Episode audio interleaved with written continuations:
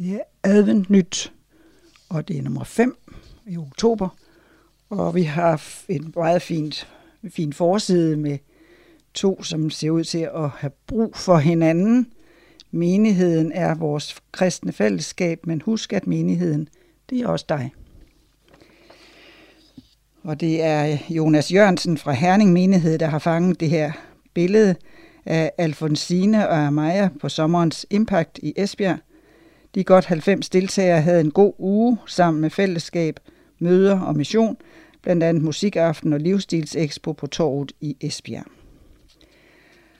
Og så har jeg en oversigt her, indholdsfortegnelse.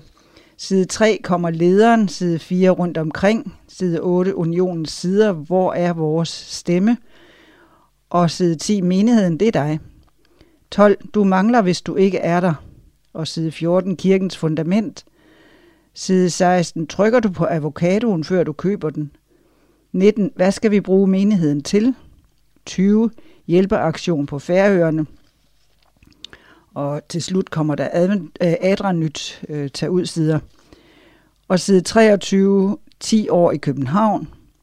Happy Hand, Adventistkirkens genbrug. Side 24, Nærum Privatskole, og side 26, Vejlefjordskolen. Og så side 28 er der Sabus, det er noget om sommeren, sommercamp 7-12 øh, år, teen camp, spejderlejr, ungdomskongres i Finland. Der har været mange aktiviteter der. Og så kommer seniorsiderne. Er du gammel nok til at være senior? Sigve, Severin og seniorerne. 36 lykønskninger, 38 arrangementer og annoncer, 40 mindeord, 43 kollekt og kalender, 44 bagsideklummen, sabbatsfrihed og religionsfrihed.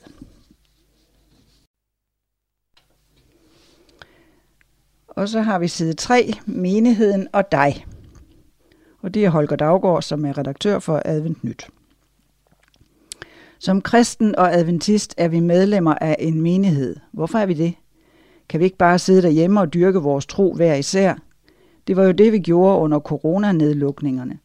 Og nogen kan måske være fristet til at fortsætte den praksis, selvom samfundet nu igen er blevet lukket op.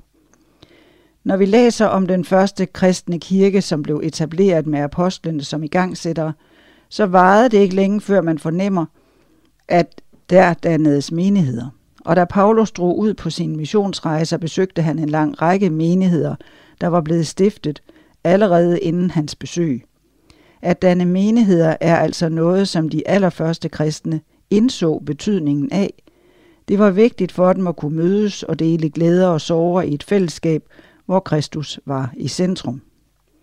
Det samme gælder for os i dag. Vi har brug for at opmuntre hinanden, lovsynge og tilbede i fællesskab. Det kan være svært at være kristen i en sekulær verden, hvor man måske er den eneste troende.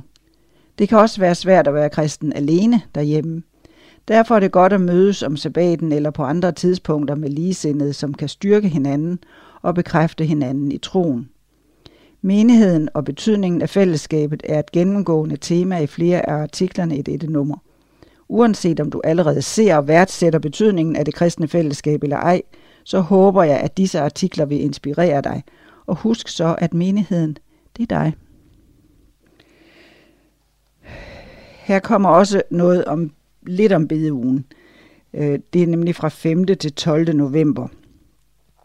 Den årlige bedeuge nærmer sig, og der er som sædvanligt udarbejdet bedeugelæsninger til brug for menighederne. Hæfter med læsninger bliver sendt ud til alle menigheder, så husk at få et eksemplar med hjem, når bedeugen nærmer sig. Du kan også finde læsningerne på adventist.dk. Så har vi side 4. Det er rundt omkring.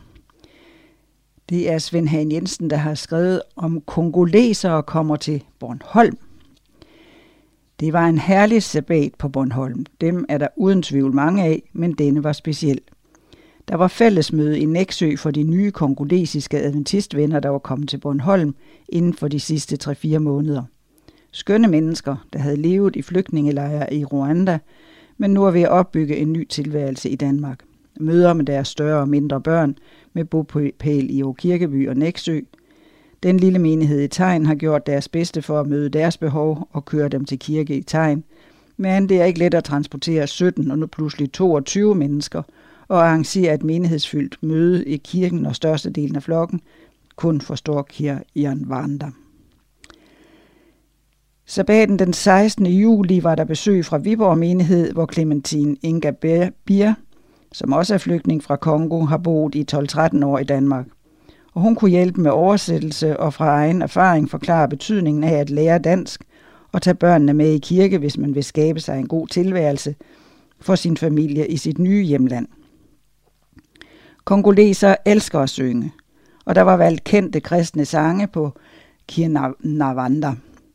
Så snart en sang blev foreslået, var der en og anden, som ivrigt begyndte næsten inden Terje Falk fik slået tonen an på sin guitar. Svend Hagen Jensen havde en kort prædiken, som blev oversat, mens Inger Falk og Ingelis Jensen beskæftigede de yngste med papir, opgaver og farvegrid i baggrunden.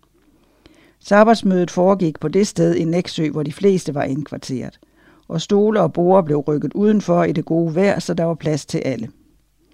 Lennart og Terje Falk har været de ledende kræfter, når det gælder at få de nyankomne til at føle sig velkommen til Bornholm og styrke venskabet til menigheden. En vigtig del af dette efterårs, eftermiddags møde med Clementine som tolk var at få snakket igennem, hvordan man fremover kunne være til størst hjælp og planlægge sammenkomster og kirkegang.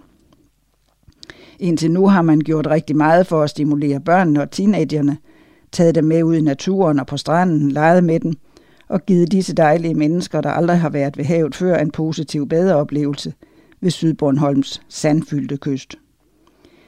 De skal også vide, at syvendags adventist kristne fint kan kombinere det åndelige og sociale og finde glæden hos Jesus, såvel som i hinandens gode fællesskab. Og her er side 5. Fredagssamling på Svanevej Privatskole. Det er stadig rundt omkring. Det er Holger Daggaard, der har skrevet om det.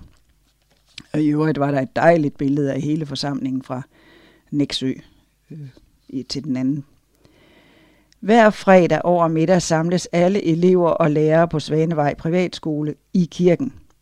Her synger de et par sange, får noget information og har en andagt. Den sidste fredag i august havde jeg fornøjelsen at holde andagten, og jeg skal love for, at det var en oplevelse. Især sangene, som eleverne nærmest skrålede med på – Især temasangen, der er så meget, der kan trykke, var populær, og alle sang godt med.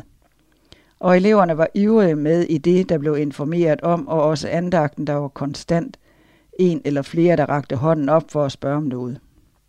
Som afslutning på programmet ønsker man hinanden god weekend, og derefter holder de yngste klasser fri.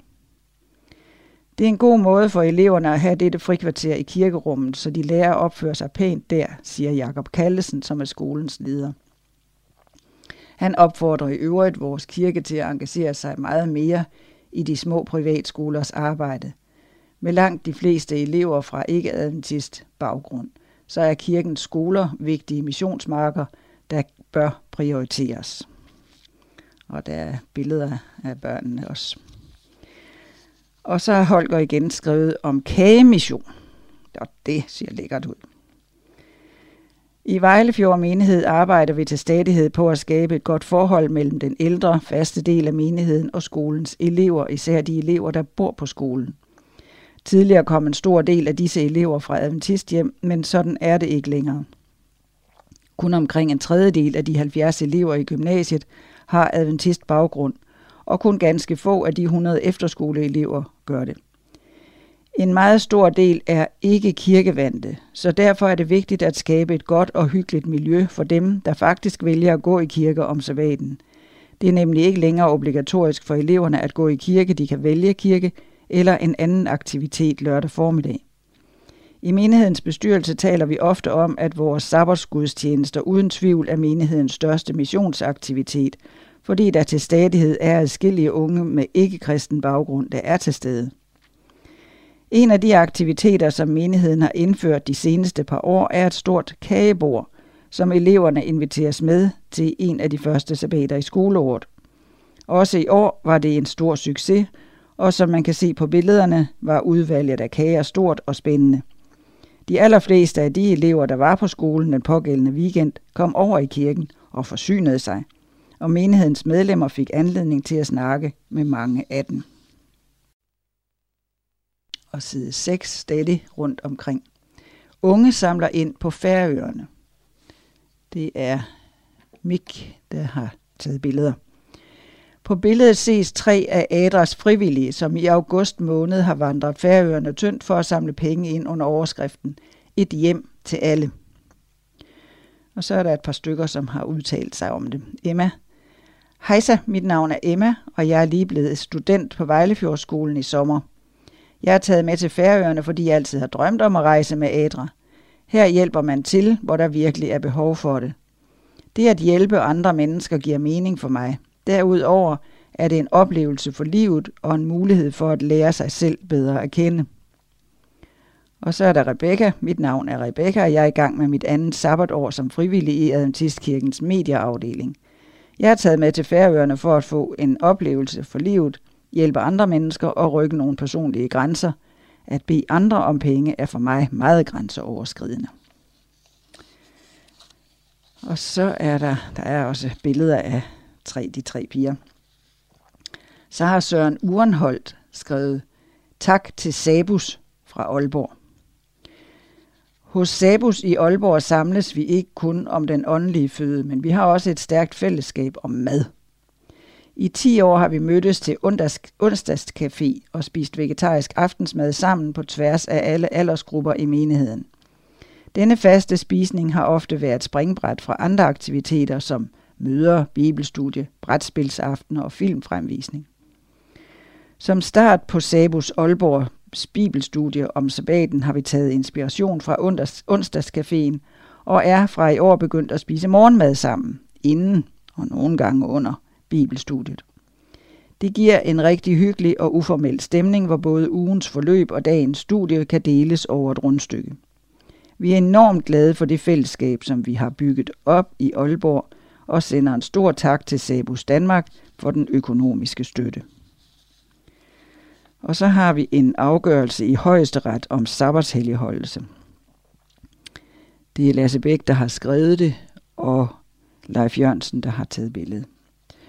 Højesteret afsagde 7. september 2022 dom i en sag, der berørte en idrætslærer, der var blevet opsagt fra sit arbejde, fordi han som adventist ikke ville møde på arbejde til et åbent husarrangement på en lørdag. Læreren havde fået medhold i ligebehandlingsnævnet, men arbejdsgiveren bragte sagen for domstolene. Højesteret har afgjort, at der var tale om forskelsbehandling på grund af religion, men at det ikke var ulovligt, da det var nødvendigt for skolen, at medarbejderen mødte op. Sagen blev ført af kammeradvokaten for adventisten, da det var ligebehandlingsnævnets afgørelse, der blev anfægtet. Udfaldet af sagen betyder for adventister, at de skal være opmærksom på, hvornår deres arbejdsgiver kan kræve, at de møder op på deres sabbatsdag, og hvornår en arbejdsgiver er berettiget til at afskedige dem for ikke at ville møde op. En arbejdsgiver skal dog foretage en konkret vurdering af, om det er prioritet, øh, proportionalt og nødvendigt at stille et sådan krav om fremmøde. Medarbejderen bør gå i dialog med sin arbejdsgiver om udfordringen og prøve at finde alternative løsninger. Øhm, Adventistkirkens afdeling for religionsfrihed yder gerne vejledning til medlemmer, der kommer i klemme på dette område. Og så har vi lidt mere om rundt omkring og det er side 7, og så er det Line Nielsen, der har skrevet et historisk øjeblik. Fest over 100 års jubilæum i Adventistkirken i Nyborg. Der var en kørelærer, som sagde, at man jævnligt skal se sig i bagspejlet, men dog alligevel mest fremad, for ellers går det helt galt. Det er da et billede, der er til at forstå. Hvad siger man til hinanden, når man som menighed fejrer 100 års jubilæum? Det var næstformanden i 7. dags Adventistkirken i Danmark, Lasse Bæk, som talte om at se sig i bagspejlet, for vi kan ikke forstå os selv, hvis vi ikke kender vores vej hertil. Ja, og den gode kirkegård sagde, at livet må leves forlæns, men forstås baglæns. Og lørdag den 3. september var fællesskabet til at tage at føle på i Adventistkirken. Knap 100 mennesker var samlet, og de havde alle det til fælles, at på et eller andet tidspunkt i deres livs- og familiehistorie havde Nyborg Adventistkirke betydet noget for nogen. Nogen var kommet langvejs fra for at fejre, ja, både fra Katar, Norge og Sverige. Andre fra steder rundt om i Danmark, og så var det jo alle dem, der har deres gang i kirken til daglig. Også dem, som er kommet som flygtninge fra Burma, hvor Adventistkirken er blevet en væsentlig del af deres daglige fællesskab, eller danske fællesskab. Det med kirken kan noget. Også i 2022, hvor man altså kunne se tilbage til den 3. september 1922 Klokken 15, hvor menighedsfællesskabet blev etableret med 17 medlemmer. Og i 1974 blev kirkebygningen indviet. Murmester Hans Grønbæk var bare 26 år gammel, da han var chef for byggeriet. Der var ingen til stede ved jubilæet, som var der i det historiske øjeblik for 100 år siden, da det hele begyndte. Men i USA lever Vera Christensen, datter af N.P. Nielsen, som bliver 101 år til december, og hun var med dengang. Men sammen om festen skabte man i fællesskab et nyt historisk øjeblik, fejringen af 100 år. Tænk, at vi skulle få lov at opleve det. For nogle af os, af os er det i mindebogen over store ting i Nyborg, ligesom dengang den sidste Storebæltsfærge sejlede, åbningen af Storebæltsbroen og i sommer oplevelsen af Tour de France. Fest. Fejring med sang, der fyldte hele kirkerummet, historier for børnene, god mad, mimren over minderne, samtaler med nogen, som man ikke havde set i mange år, og hilsner fra troende i andre trosfællesskaber. Vi er her lige nu, sagde Læssebæk, som holdt dagens prædiken. Og han refererede til, at også Jesus havde meget fokus på to vigtige orienteringspunkter i livet, begyndelsen og enden. Og indimellem disse punkter er der afgørende øjeblikke, hvor vi er lige nu, og som kan blive afgørende for vores retning fremadrettet. Måske, sagde han, skal vi ikke bare spørge Gud om, hvad han vil med menigheden, men også hvad han vil med os i byen. Kan vi hjælpe vores medmennesker? Så vi ser fremad. Glade, glade for fællesskabet i en menighed, som ser fremad. Fyldte med håb og med glæde. Og det er et fællesskab, som hvem som helst er velkommen ind i. Så til vores medborgere i Nyborg by siger vi, kig endelig forbi. Nok er fællesskabet 100 år gammelt nu, men det kan også noget i dag. Kom selv og se. Så der er side 8. Det er øh, Adventistkirken, der har den forret at kunne udpege medlemmer til mange bestyrelser, og nogle pladser bliver uddelegeret til ledelsen, andre til medlemmer. Kirkens formand sidder med i Adra Danmarks bestyrelse og bærer posten som bestyrelsesformand her. Hvor er vores stemme, er overskriften og det er Thomas Møller, som har skrevet det. Adra Danmark forsøger i disse år at styrke samarbejdet mellem religiøse ledere og Adras projekter. Religiøse ledere spiller en stor rolle og har en indflydelsesrig stemme i de lande, Adra arbejder i. Derfor inviterede Adra mig med til Tanzania i begyndelsen af september for at have en præsentation ved et workshop, hvor kirkens ledere og afdelingsledere var sammen med Adras personale i Tanzania. Det blev en yderst frugtbar workshop, hvor kirken i Tanzania opdagede en række fælles temaer, som Adra også advokerer for. Blandt andet var der ret hurtigt enighed om følgende emner. Pigers ret til at komme i skole, at stoppe vold i hjemmet og små pigers alt for tidlige ægteskaber. Her forsøger Adra at være en stemme for forandring, hvilket læner sig tæt op af de prioriteter, kirken også har. I bund og grund handler det om helt basale menneskerettigheder, som kirken kan være med til at italesætte og kæmpe for. Workshoppen handlede lige så meget om at identificere områder, man ikke kan samarbejde om. Fælles fodslag.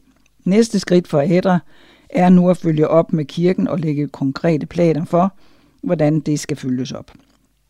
Det tale for andres rettigheder har været en del af Adventistkirkens DNA helt fra pionerernes tid. Ellen White talte varmt om og var ofte taler ved kvindemøder, ligesom hun involverede sig i afholdsbevægelsen.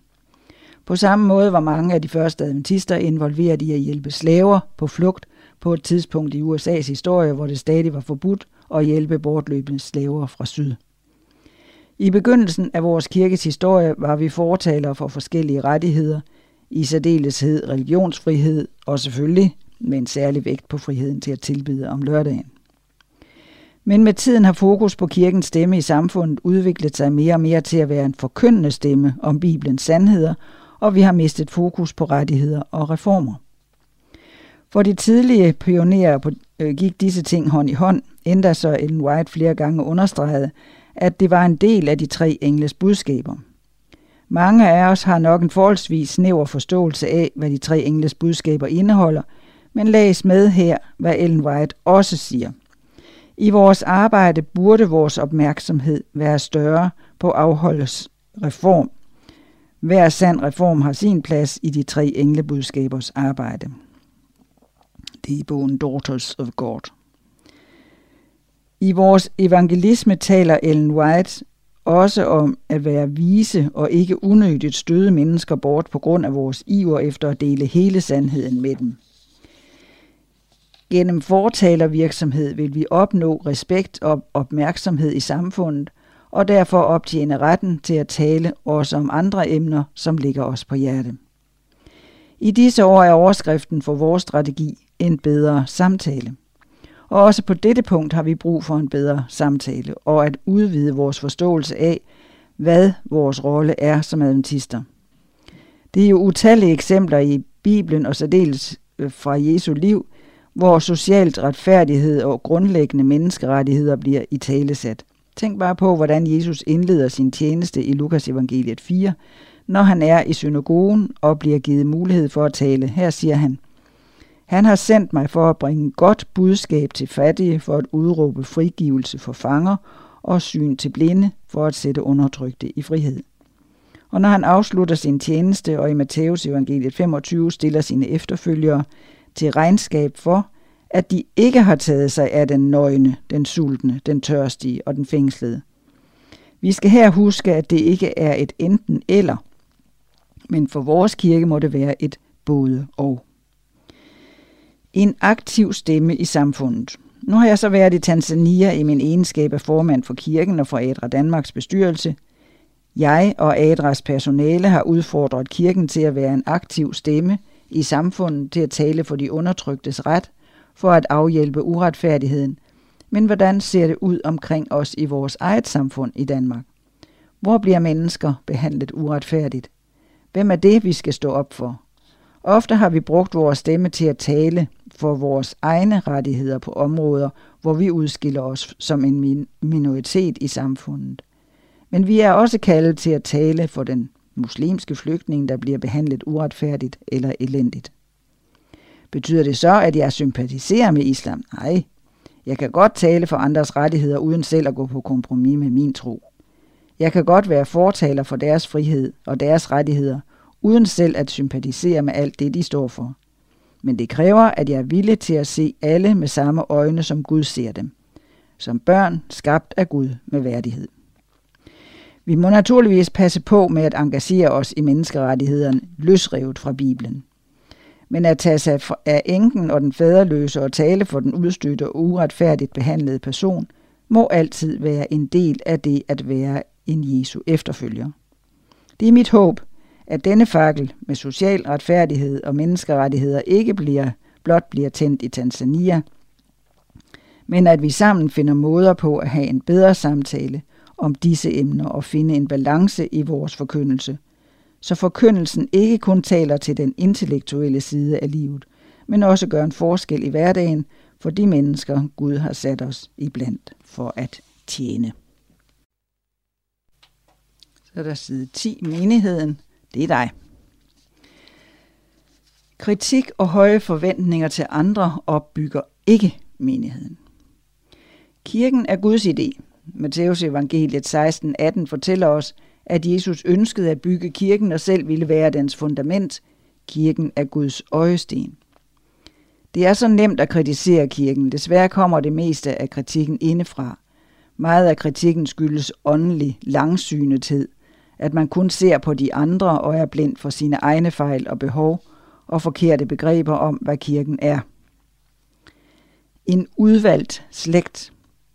En bibeltekst, der meget klart forklarer, hvad Bibelen handler om, er 1. Peters brev 2, 9-10. Men I er en udvalgt slægt, et kongeligt præsteskab, et helligt folk, et ejendomsfolk, for at I skal forkynde hans guddomsmagt. Han som kaldte jer ud af mørket til sit underfulde lys.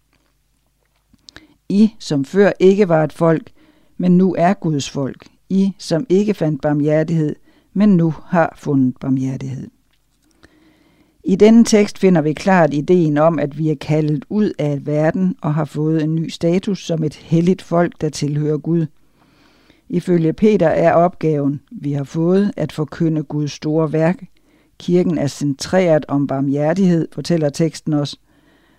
Et omsorgscenter. Gud er kærlighed. Kirken skulle være et centrum for kærlighed. Gud bekymrer sig om kirken, og kirken bør være en menighed af troende, der bekymrer sig om hinanden. Kirken er ikke et galleri, der udstiller prægtige kristne, men en skole, der uddanner de uperfekte. Et plejehjem til pleje af de svage. Et hospital til at helbrede dem, der har brug for tilsyn og hjælp. Det siges, at der på væggen i skadestuen på et hospital var et skilt med teksten Her stopper smerten. Kirken skal være sådan et sted, hvor smerten skal stoppe. I stedet er det desværre nogle gange et sted, hvor smerten øges. En frafalden er en person, som kirken ikke har formået at stoppe smerten hos, for ingen holder op med at gå der, hvor smerten lindres. Desværre kender jeg mange sårede mennesker i forskellige kirker. Ja, det kan ofte være folk, der er lidt vanskelige eller urimelige, som let bliver såret, og som helt har misforstået tingene. Men i Guds familie bør der være plads til alle børnene, også dem, der er lidt anderledes. Se bare på Jesu 12 disciple. Vi skal huske ikke at forvente, at kirken består af mennesker, der er bedre end alle andre, men af mennesker, der ønsker at være bedre, end de er. Kirken skal ikke være indadvendt og ekskluderende, men udadvendt og inkluderende. Det skal ikke være som et pensionat, men et værksted. Det er så nemt at gå op i det ydre, i former og facader, og så glemmer man interiøret. Ikke mindst sit eget indre, med alle fejlene og manglerne. Alt for mange sovende børn ser bare på facaden. De stives og stryges, men vaskes ikke. Der er to yderligheder i kirken, og vi må vogte os for at komme ud i en af grøfterne. Den ene grøft kan være så eksklusiv, at man er fuldstændig hængt op i selvtilfredshed, ydre former og tro, Øh, og traditioner. Det, det hindrer liv og ånd og vækst i kirken. Den anden grøft, vi skal passe på, ikke at falde i, er at være så inkluderende, at vi accepterer alt og trivialiserer alle principper, regler og alt, hvad der adskiller os fra andre.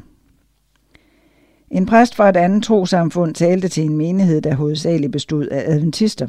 Han sagde, jeg kan give jer en opskrift på, hvordan I syvende dags adventister kan holde op med at vokse, ligesom vi i mit samfund er holdt op med at vokse. Hvis I bagatelliserer alt det, der gør jer unikke som syvendags adventister, så kan jeg garantere, at I vil holde op med at vokse, ligesom vi i min kirke er holdt op med at vokse. Måske er du utilfreds med kirken på en eller flere måder, men vær forsigtig med at kritisere Guds kirke. Husk, at når du kritiserer kirken, er det Kristi brud, du kritiserer, og ingen brudgom kan lide, at du kritiserer hans brud.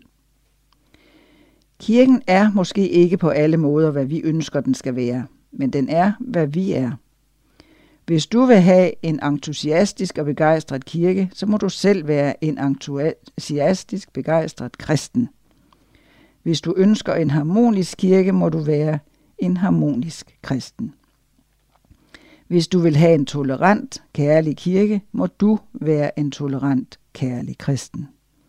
Hvis du vil have en gæstfri kirke, må du selv være en gæstfri kristen. Menigheden er, hvad du er. Den er det, du lever. Hvis du og jeg ikke til fulde giver kirken vores hengivenhed, tid og indsats, kan vi ikke forvente, at kirken oplever fuld trivsel og vækst. Må Gud give os stadig større kærlighed til hans sag, til hans kirke og til hans børn, vort trosøskende. Det er skrevet af Kjell Agne, som er præst i den Norske Union, hvor han er leder af Norsk Bibelinstitut og Norsk Bogforlag.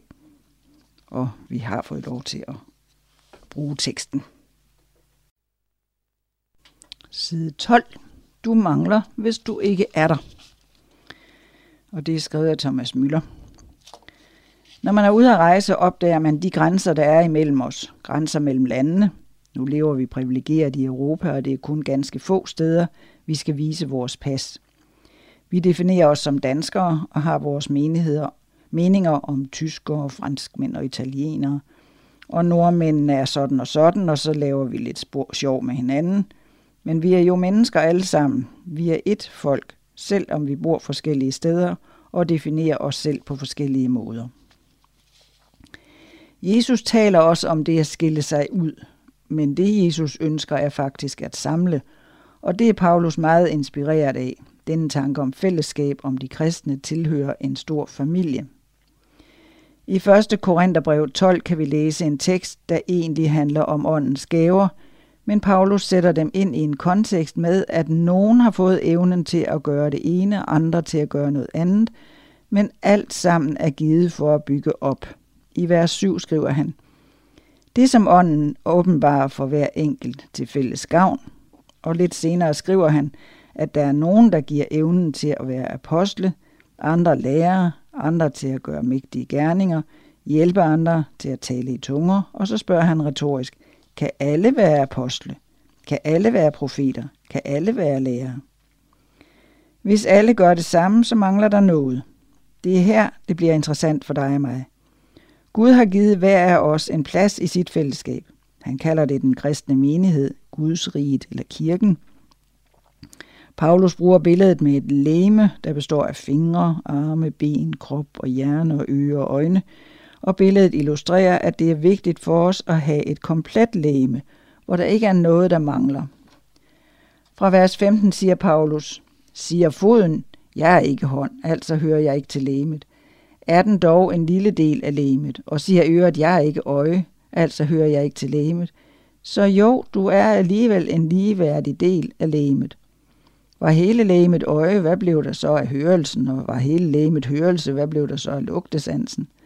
Gud har nu engang givet hver enkelt den plads på lægemet, som han ville det. Hvis du mangler, det giver mig en fortrøstning. Det betyder, at det er tænkt på den enkelte. Den enkelte af os har fået nogle gaver. Vi har fået evner og talenter. Vi har en plads, hvor vi passer ind i fællesskabet. Nogen egner sig til at være på en talerstol, andre egner sig til at synge eller spille, andre til at rydde op eller lave mad og stå for praktiske ting som bygningsvedligehold og andet. Hvis nu alle stod med en kost i hånden og fejrede uden for kirken, hvad blev der så af forkyndelsen, siger Paulus. Hvis nu alle stod i køkkenet og lavede mad, hvad blev der så af tjenesten for hinanden? På den måde tror jeg, det er vigtigt, at vi finder vores plads. Især her i de sidste to år under coronanedlukningerne har mange af os været væk fra fællesskabet, måske i længere tid, uger, måneder. Det kunne man tænke. Jeg sidder her bag skærmen. Jeg kan sagtens være til gudstjeneste, læse i min bibel. Jeg behøver ikke komme hen i fællesskabet i kirken og være en del af det. Men her er det så, at Paulus kommer med en påstand, i det han siger, at der mangler noget, hvis ikke du er der. Så er lægemet ikke helt. Der mangler noget, hvis ikke dine evner og talenter er til stede. Det er for mig en tanke, der gør indtryk. Nu har mange undværet fællesskabet under coronanedlukningerne, og det har der været en god grund til. Men under normale forhold nytter det ikke noget at udøve sin kristenliv i isolation. Det er godt og rigtigt at læse og bede for sig selv, men kristenlivet leves i fællesskabet. Al Jesu undervisning handler om at samle folk og fortælle om Guds riges værdier i fællesskabet. Paulus siger, I er Kristi læme og hver især hans lemmer, og i kirken har Gud sat nogen til at være apostle osv. Nogen kan helbrede, nogen kan tale i tunger, andre kan tolke, men stræb efter den største nådegave, siger han. Og så slutter han kapitlet af med bemærkningen. Og jeg vil vise jer en langt bedre vej. Lige derefter kommer det såkaldte kærlighedskapitel, denne smukke hymne, hvor han løfter kærligheden op som det, der binder lægemet sammen, det, der binder Guds rige sammen. Det, der sammenfatter essensen af, hvad det vil sige at leve som en Guds disciple, at leve i kærlighed. Med de ord vil jeg opfordre dig til at tænke over din plads i fællesskabet, og hvor du kan bidrage i fællesskabet. Din du mangler, hvis du ikke er der. Side 14. Kirkens fundament. Og det er skrevet af Leif Hansen, som tilhører Køge Menighed og er aktiv lægeprædikant. Hvad skal vi bruge menigheden til? Er det en interesseorganisation? Er det en forening? Er det en kirke? Hvad får jeg ud af det? Er der en større mening? Faktisk er menigheden eller kirken en del af evangeliet. Man kan måske sige, at det er en af de ældste organisationer i verden etableret af Jesus Kristus. Den kristne menighed begyndte med et kald af 12 disciple med ordene Kom og følg mig, Matthæus 4:19. 12 almindelige mennesker, som fulgte Jesus i tre et halvt år. De stod i mesterlære og blev indført i, hvem Jesus var og hvor det ville føre ham hen. Kristus, klippen. En central tekst til forståelse af Jesu hensigt finder vi i Matteus evangeliet 16, hvor Jesus stiller sine disciple et spørgsmål. Hvem siger folk, at menneskesønnen er? Og de svarer, nogen siger Johannes døber, andre Elias, andre igen Jeremias eller en af de andre af profeterne. Og Jesus spørger disciplen direkte, men I, hvem siger I, at jeg er? Og Peter svarer, du Kristus, den levende Guds søn. Hvilket øjeblik. For i det øjeblik forstår Peter, hvem Jesus er, og Jesus siger til Peter, Særlig er du Simon Jonas' søn, for det har kød og blod ikke åbenbart dig, men min far i himlene. Og jeg siger dig, at du er Peter, og på den klippe vil jeg bygge min kirke, og dødsrigets porte skal ikke få magt over den. Matthæus 16, 13-19. Det er en af de vigtige samtaler, som er i evangelierne, for Jesus tvinger disciplene til at forklare deres forståelse af, hvem han er, og sammenligne det med andres syn på, hvem han er.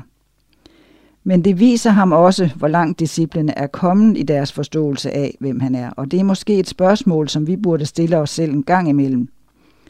Peters erklæring, du er Kristus, den levende Guds søn, er en vigtig forståelse af vandringen, i vandringen med Jesus. For det er en forudsætning for at kunne forstå Jesus som den lidende tjener. Matthæus 16, 21-23. Men den giver også disciplene en vigtig lektie om kirken og menigheden. Med Peters erklæring siger Jesus, at Peter er salig, og at hans udsagn er en guddommelig åbenbaring. Ordet salig er det samme ord, som Jesus bruger i saligprisningerne i bjergprædikenen, så Peter har med sit udsagn ramt noget essentielt. Og Jesus siger videre, på den klippe vil jeg bygge min kirke.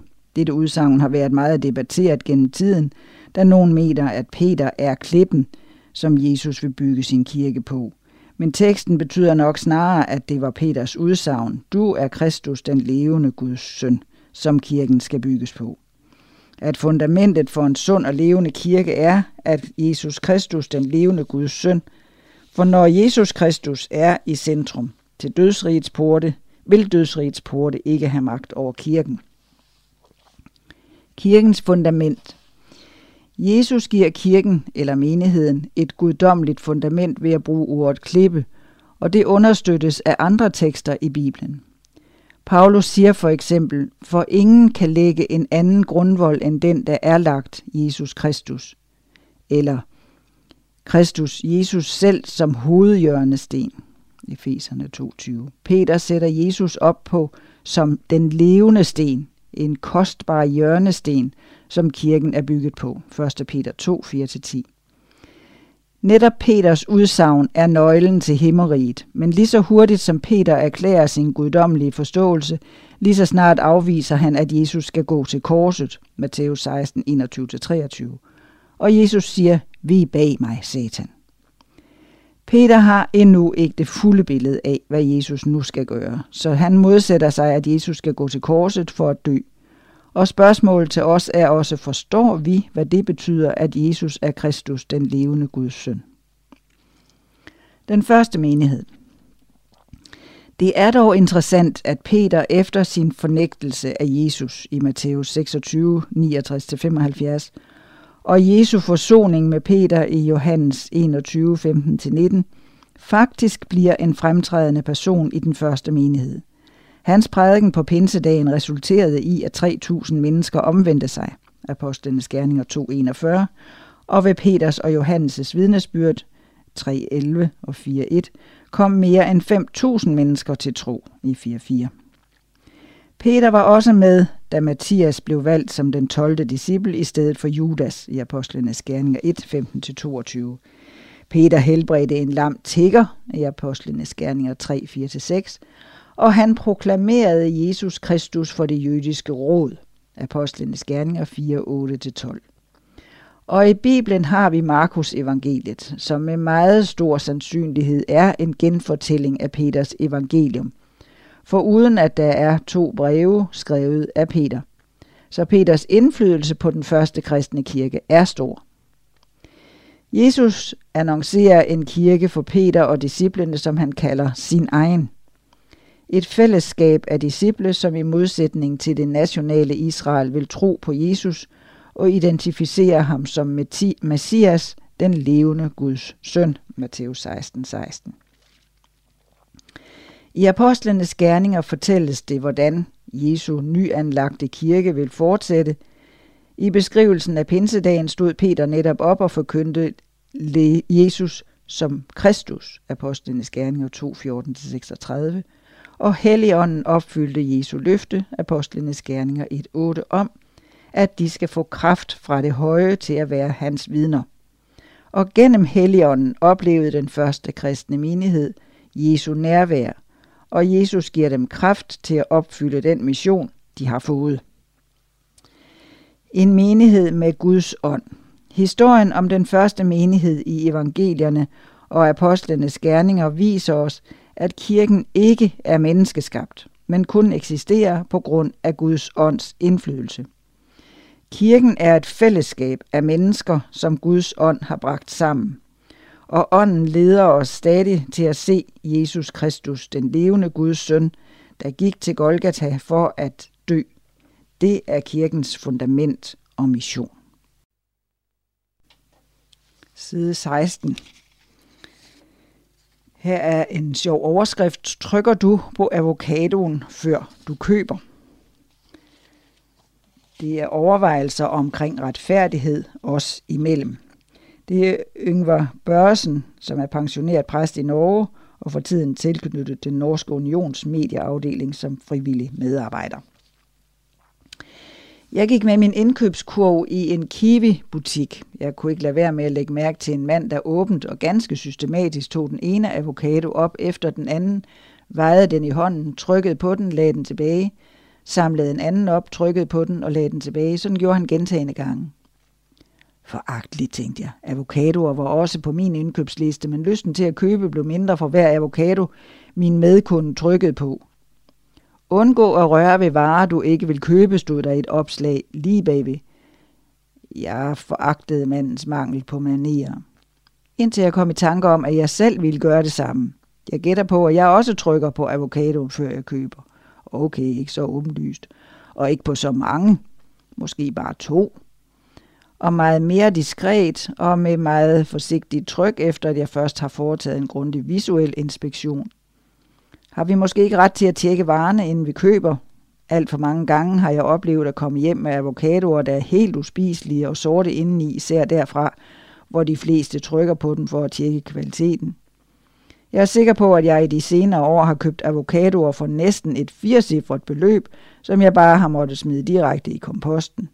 Aldrig, i hvert fald næsten aldrig, har jeg benyttet mig af Kiwis tilbud om at bytte nyindkøbte varer, der viser sig at være rødne har jeg måske ikke nogen rettigheder som en god og trofast kunde. Døm ikke. Jeg vil ikke klandre dig, hvis du også trykker på avocadoerne i butikken. Men jeg vil dele noget med dig, der slog mig der mellem hylderne med dagligvarer. Jeg kom pludselig i tanke om et par ord fra apostlen Paulus. Derfor har du ingen undskyldning, du menneske, som dømmer.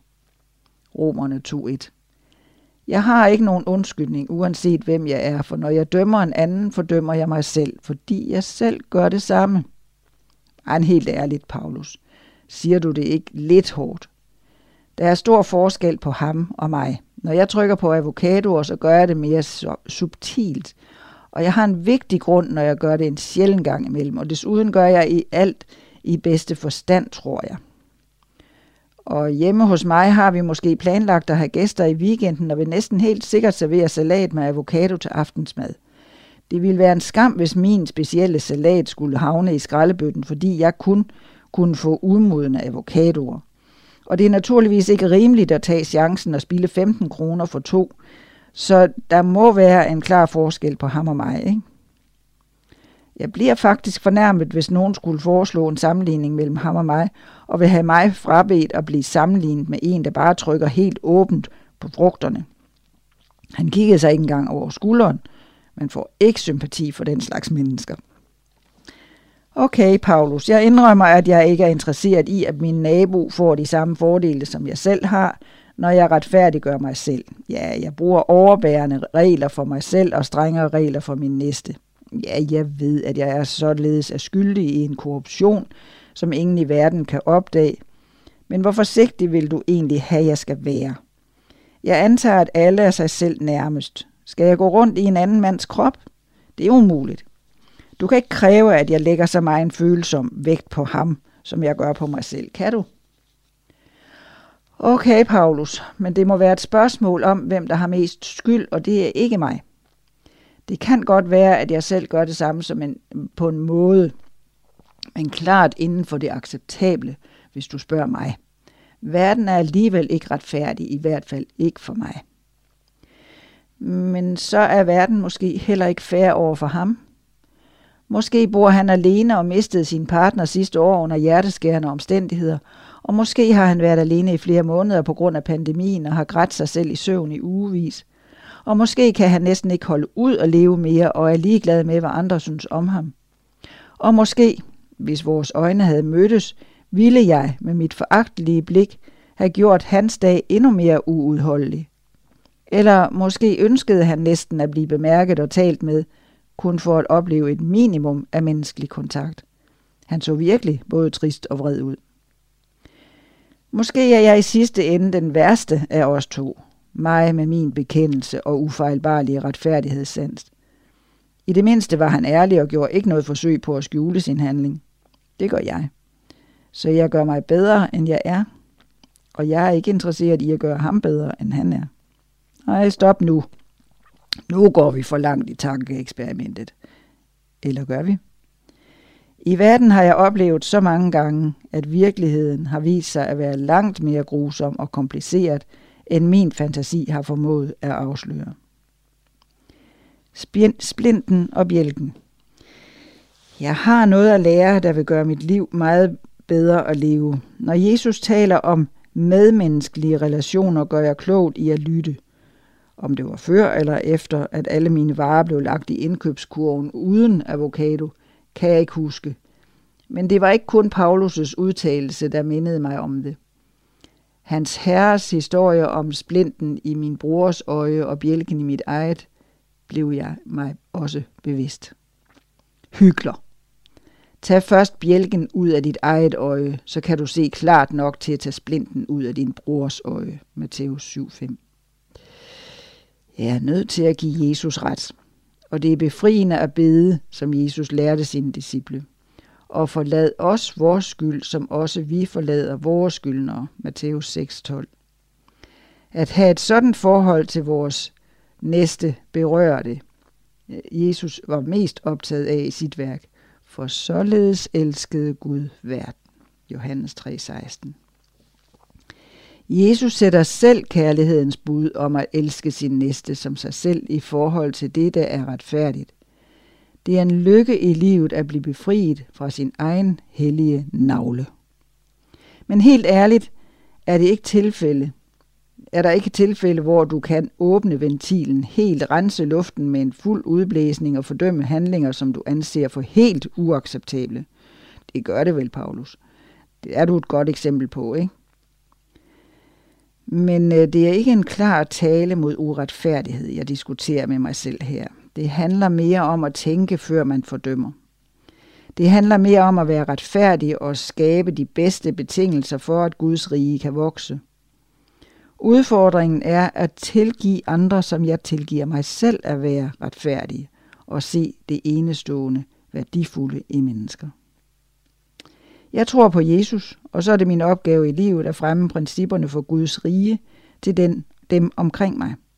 Det er byggestenene i himmeriget, som alle længes efter, når kærlighed, solidaritet, retfærdighed, fred og noget er påkrævet i verden omkring os. Måske kunne avocadomanden bruge en lektion i manerer. Måske var det noget andet, han havde brug for. Jeg har helt sikkert noget at lære om himmeriget, hvor folk skinner som solen. Side 19. Hvad skal vi bruge menigheden til? Det er skrevet af Alexander Rose Jensen, som er aktiv i Esbjerg Menighed.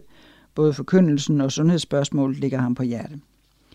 Ordet menighed betyder forsamling og er en samling af mennesker, ofte i en religiøs eller tilbedelsessammenhæng. Er det virkelig nødvendigt? Kan vi ikke bare være individualister og lade troen være noget, vi holder for os selv? Lad os se lidt på, hvad Gud siger til det. Han, som har skabt os og ønsker, at vi skal være lykkelige og have det godt. Der står i Hebræerne 10, 24-25, Lad os give agt på hinanden, så vi tilskynder til kærlighed og gode gerninger. Og lad os ikke svigte vores egen forsamling, som nogen har for skik, men formane hinanden så meget mere, som I ser, at dagen nærmer sig. Gud anbefaler altså, at vi bør give agt eller lægge mærke til og vise hensyn over for vores medmennesker, og at vi ikke skal svigte vores forsamling eller menighed. Desuden ser vi, at denne opfordring rettes mod den generation, som lever på et tidspunkt, hvor dagen nærmer sig, altså nær ved Jesu genkomst. Det er altså endnu vigtigere i netop den tid, vi lever i, hvor Guds dag nærmer sig, at vi prioriterer at være sociale omkring vores tro. Fokus i menigheden. Hvad skal vores fokus så være, når vi kommer i menigheden? At nyde en lækker fællesspisning? At se og snakke med gode venner? At høre en spændende tale? Alt dette er jo gode ting, som opbygger og styrker os. Men Gud leder vores tanker mod et lidt andet fokus. At tilskynde til kærlighed og gode gerninger, og at formane hinanden. Når vi kører til kirken om sabbaten, kunne vi altså for eksempel tænke, må der er nogen, jeg kan sige et venligt ord til i dag. Er der nogen, som har brug for et opmuntrende vers fra Guds ord, som jeg måske kunne dele med vedkommende? Der er en kvinde, som ofte sidder lidt alene. Måske kunne jeg sætte mig ved siden af hende i dag og lære hende lidt bedre at kende. Gud opfordrer os til at være sociale nu i endetiden før Jesus snart genkomst, og at sætte pris på menigheden som et sted, vi kommer for at opmuntre og tilskynde øh, til indbyrdes kærlighed. Lad os ikke svigte vores forsamling. Side 23. Der er nogle fine billeder fra Happy Hand i København. 10 år i København. Happy Hand, Adventistkirkens genbrug. Det er skrevet en hilsen fra Berit Elkær på vegne af bestyrelsen for Happy Hand. Den 21. maj rundede Happy Hand København 10 år. Vi har festet og fejret. Kunder og samarbejdspartnere har lykønsket os og givet gaver og gode ord. Dejligt. Vores første runde fødselsdag giver anledning til refleksioner over tiden, der gik. 10 år med konstant ekstra arbejde grænsende til urimelig knokleri, samtaler med glæde, men også svære samtaler, kirkearbejde med udfordringer på en helt ny måde og kæmpe udvidelse af vennekrisen. Var det arbejdet værd? Var det udfordringerne værd? Svaret er ja. Et stort og rungende ja. Fordi verden er i nød, folk dør af sult, har intet sted at bo, må flygte, lide, miste børn på grund af underernæring, så ja, det er værd at give fritid og fritidsinteresser for at hjælpe de allersvageste i verden. Hvert eneste stykke tøj, der langes over vores disk, giver penge til de fattige. Svaret er også ja, fordi vi hjælper en klode i nød. En klode, der bliver varmere og varmere på grund af vores livsstil – Vores tøjforbrug er en af årsagerne. Læs mere i næste nummer af Adventnyt. Genbrug er en af nøglerne til at mindske tøjs belastning på drivhuseffekten. Et stort ja, fordi meget få mennesker træder ind over kirkens dørtærskel, kirkens tidligere funktion som mødested med Gud og venlige mennesker som et sted, hvor man finder fred og bliver passet på, er desværre gået af, møde, af mode. Mange mennesker står tilbage med et tomrum og en ensomhed, der gør ondt. I Happy Hand København takker vi Gud for den præst, der arbejder hos os. Annette Wolf er med sikkerhed en af de præster i Adventistkirken, der møder flest mennesker uden kirkelig baggrund. Hun lytter, trøster, beder og fortæller om Jesus. Både hun og vores medarbejdere er med til at fylde tomrum i menneskers liv. Det giver så meget mening. Til dig, der har støttet os og fortsat støtter os på tusind forskellige måder. Tak. Bare tak.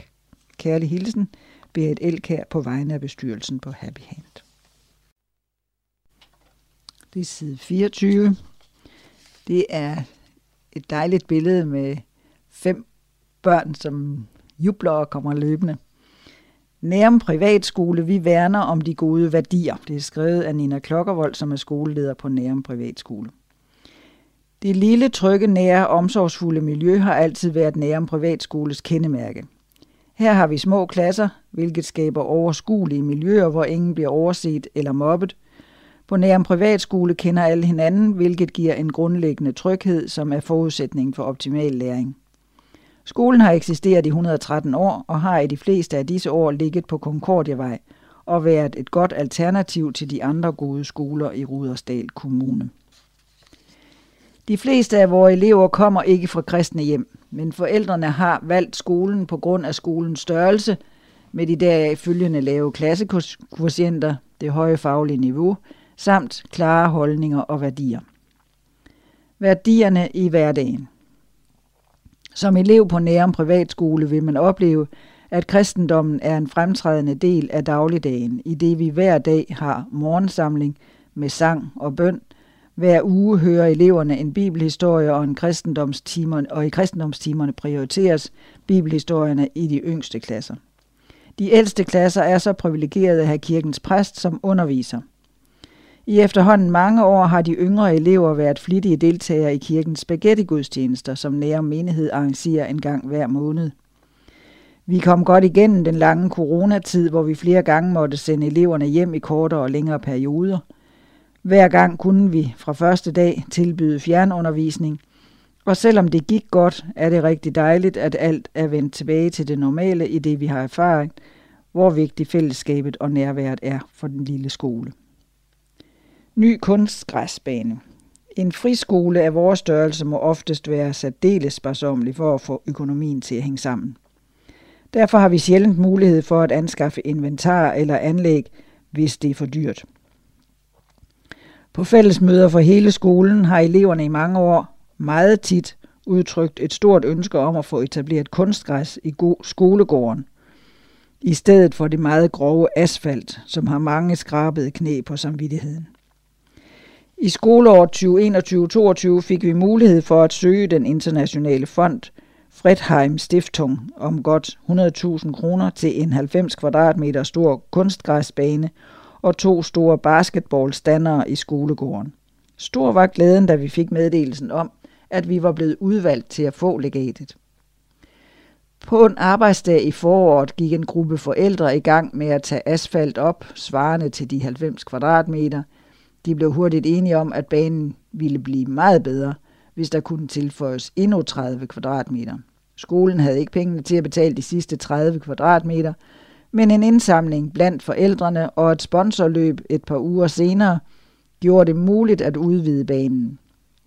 Samme dag, hvor vi fejrede skoleårets afslutning og dimission af 9. klasse, kunne vi indvide den nye kunstgræsbane, som har givet skolegården et tiltrængt løft. Reklame. Vi har lagt mange kræfter i at være synlige på de sociale medier og i lokalsamfundet. Vi deltager på lokale markedsdage, vi har lavet indsamling til Ukraine, og vi har i det sidste halve år haft en stor reklame på en af de lokale busser. Vi er meget aktive på Instagram og Facebook, og vi har fået en flot ny hjemmeside. Besøg os på Facebook og se de mange billeder fra både særlige arrangementer og dagligdagen på skolen, og kig forbi www.nærum med ae-privatskole.dk, øh, hvor I kan se både elever, forældre og lærere fortælle de gode historier om Nærum Privatskole i de fine reklamefilm. Og der er også fine billeder fra skolen. side 26. Der er der par Vejlefjordsider her. Ved begyndelsen af det nye skoleår tiltrådte en ny viserektor på Vejlefjordskolen. Adventnyts rektor, øh, redaktør talte med ham et par uger efter skolestart. Læs med her og mød ham, Kasper Busk. Kasper, hvad er egentlig din baggrund? Hvad har du arbejdet med tidligere? Jeg kommer fra gymnasiesektoren og har tidligere undervist på Roskilde Gymnasium, men størstedelen af mit tidligere hidtidige arbejdsliv har jeg tilbragt i Grønland i alt fem år. Først som underviser og sidenhen i Departementet for Uddannelse under Grønlands hjemmestyre. I sidstnævnte job har jeg blandt andet arbejdet med at implementere den danske lovgivning på området, og desuden at udvikle skolerne i Grønland, så de i dag ikke bare har den treårige gymnasie, øh, gymnasieuddannelse, men også andre uddannelsestilbud. Hvad var det så, der fik dig til at søge stillingen på Vejlefjordskolen? Det var et passende tidspunkt i forhold til de områder, der skulle gennemarbejdes i forhold til det grønlandske gymnasieområde. Og så synes jeg, at Vejlefjordskolen var spændende på grund af de forskellige afdelinger, ikke mindst kostskolemiljøet, skolens beliggenhed midt i naturen og den helhedstænkning, der ligger bag. Hvad tænker du, at du kan tilføre din nye arbejdsplads? Jeg har arbejdet en del med fastholdelse og at skabe gode rammer for elever med forskellige ressourcer. Jeg har også arbejdet en del med skoleudvikling, hvor jeg har set på elevernes forskellige behov og været hele vejen rundt omkring elever, lærere og forældre. Og de erfaringer, jeg har fået inden for disse områder, regner jeg med at kunne bruge her. Hvordan har sta- øh, starten så været hidtil? Jeg føler mig meget, meget godt taget imod af venlige og hjælpsomme medarbejdere. Det er et dejligt sted og en god arbejdsplads med gode kolleger. Hvordan ser du på de kristne værdier, som skolen har som bærende grundlag? Jeg er selv kulturkristen og har ikke været specielt aktiv i kirkesammenhæng. Til gengæld er det spændende at være her, fordi jeg ser, at folk her bruger værdierne i praksis. Jeg træder ikke ind i et kirkerum, hvor præsten eventuelt ikke taler til mig, men jeg oplever, at man tager de værdier, der ligger i kristendommen, og bruger dem i praksis, og det synes jeg faktisk er spændende at være en del af. Jeg kan godt lide, at man tør sige højt, at man har nogle værdier, man synes er vigtige for eleverne. Og der er et billede af Kasper her. Han er rigtig glad for friluftslivet og cykler til og fra arbejde hver dag en tur på 40 km hver vej. Og så er der noget om en gymnasietur til Himmerlandsgården, og det er også Holger, der har skrevet det. Det er efterhånden blevet en tradition, at gymnasieeleverne tager afsted på en weekend sammen i begyndelsen af skoleåret. Det er en god måde for eleverne at lære hinanden bedre at kende. Især de nye 1.G-elever, hvoraf mange ikke kender de øvrige elever endnu. Derfor handler en stor del af programmet også om, at 3.G'erne putter i gåseøjne 1.G'erne. Putning kan for eksempel bestå i, at de nye bliver malet med tus i ansigtet eller bliver oversprøjtet med vand og derefter mel. Det lyder måske ikke særlig sjovt eller lækkert, men det foregår alt sammen i god stil, og førstegerne gik ind til det med højt humør. Nu er putningen ikke det eneste, der sker på en sådan weekend. Fredag aften samledes man på første sal i Bjælkehuset og havde lovsang og samvær, og sabbats formiddag bidrog skolens præst René og et par af Sabus folk til et godt program omkring tro. En stor del af weekendens program var lagt i hænderne på 3.G'erne, og den opgave klarede de på bedste måde. Og så er der et interview med Emma Jarry, som der også er et billede af. Emma er født og opvokset i Frankrig med en dansk mor og en fransk far. Hun blev student i Frankrig i sommer og havde et ønske om at komme til Danmark et år, blandt andet for at forbedre sit danske sprog. Hun fandt derfor Vejlefjordskolen på nettet, hvor hun nu går i klasse sammen med 3.G'erne. Emma, hvordan fandt du lige ud af, at du ville til Vejlefjordskolen?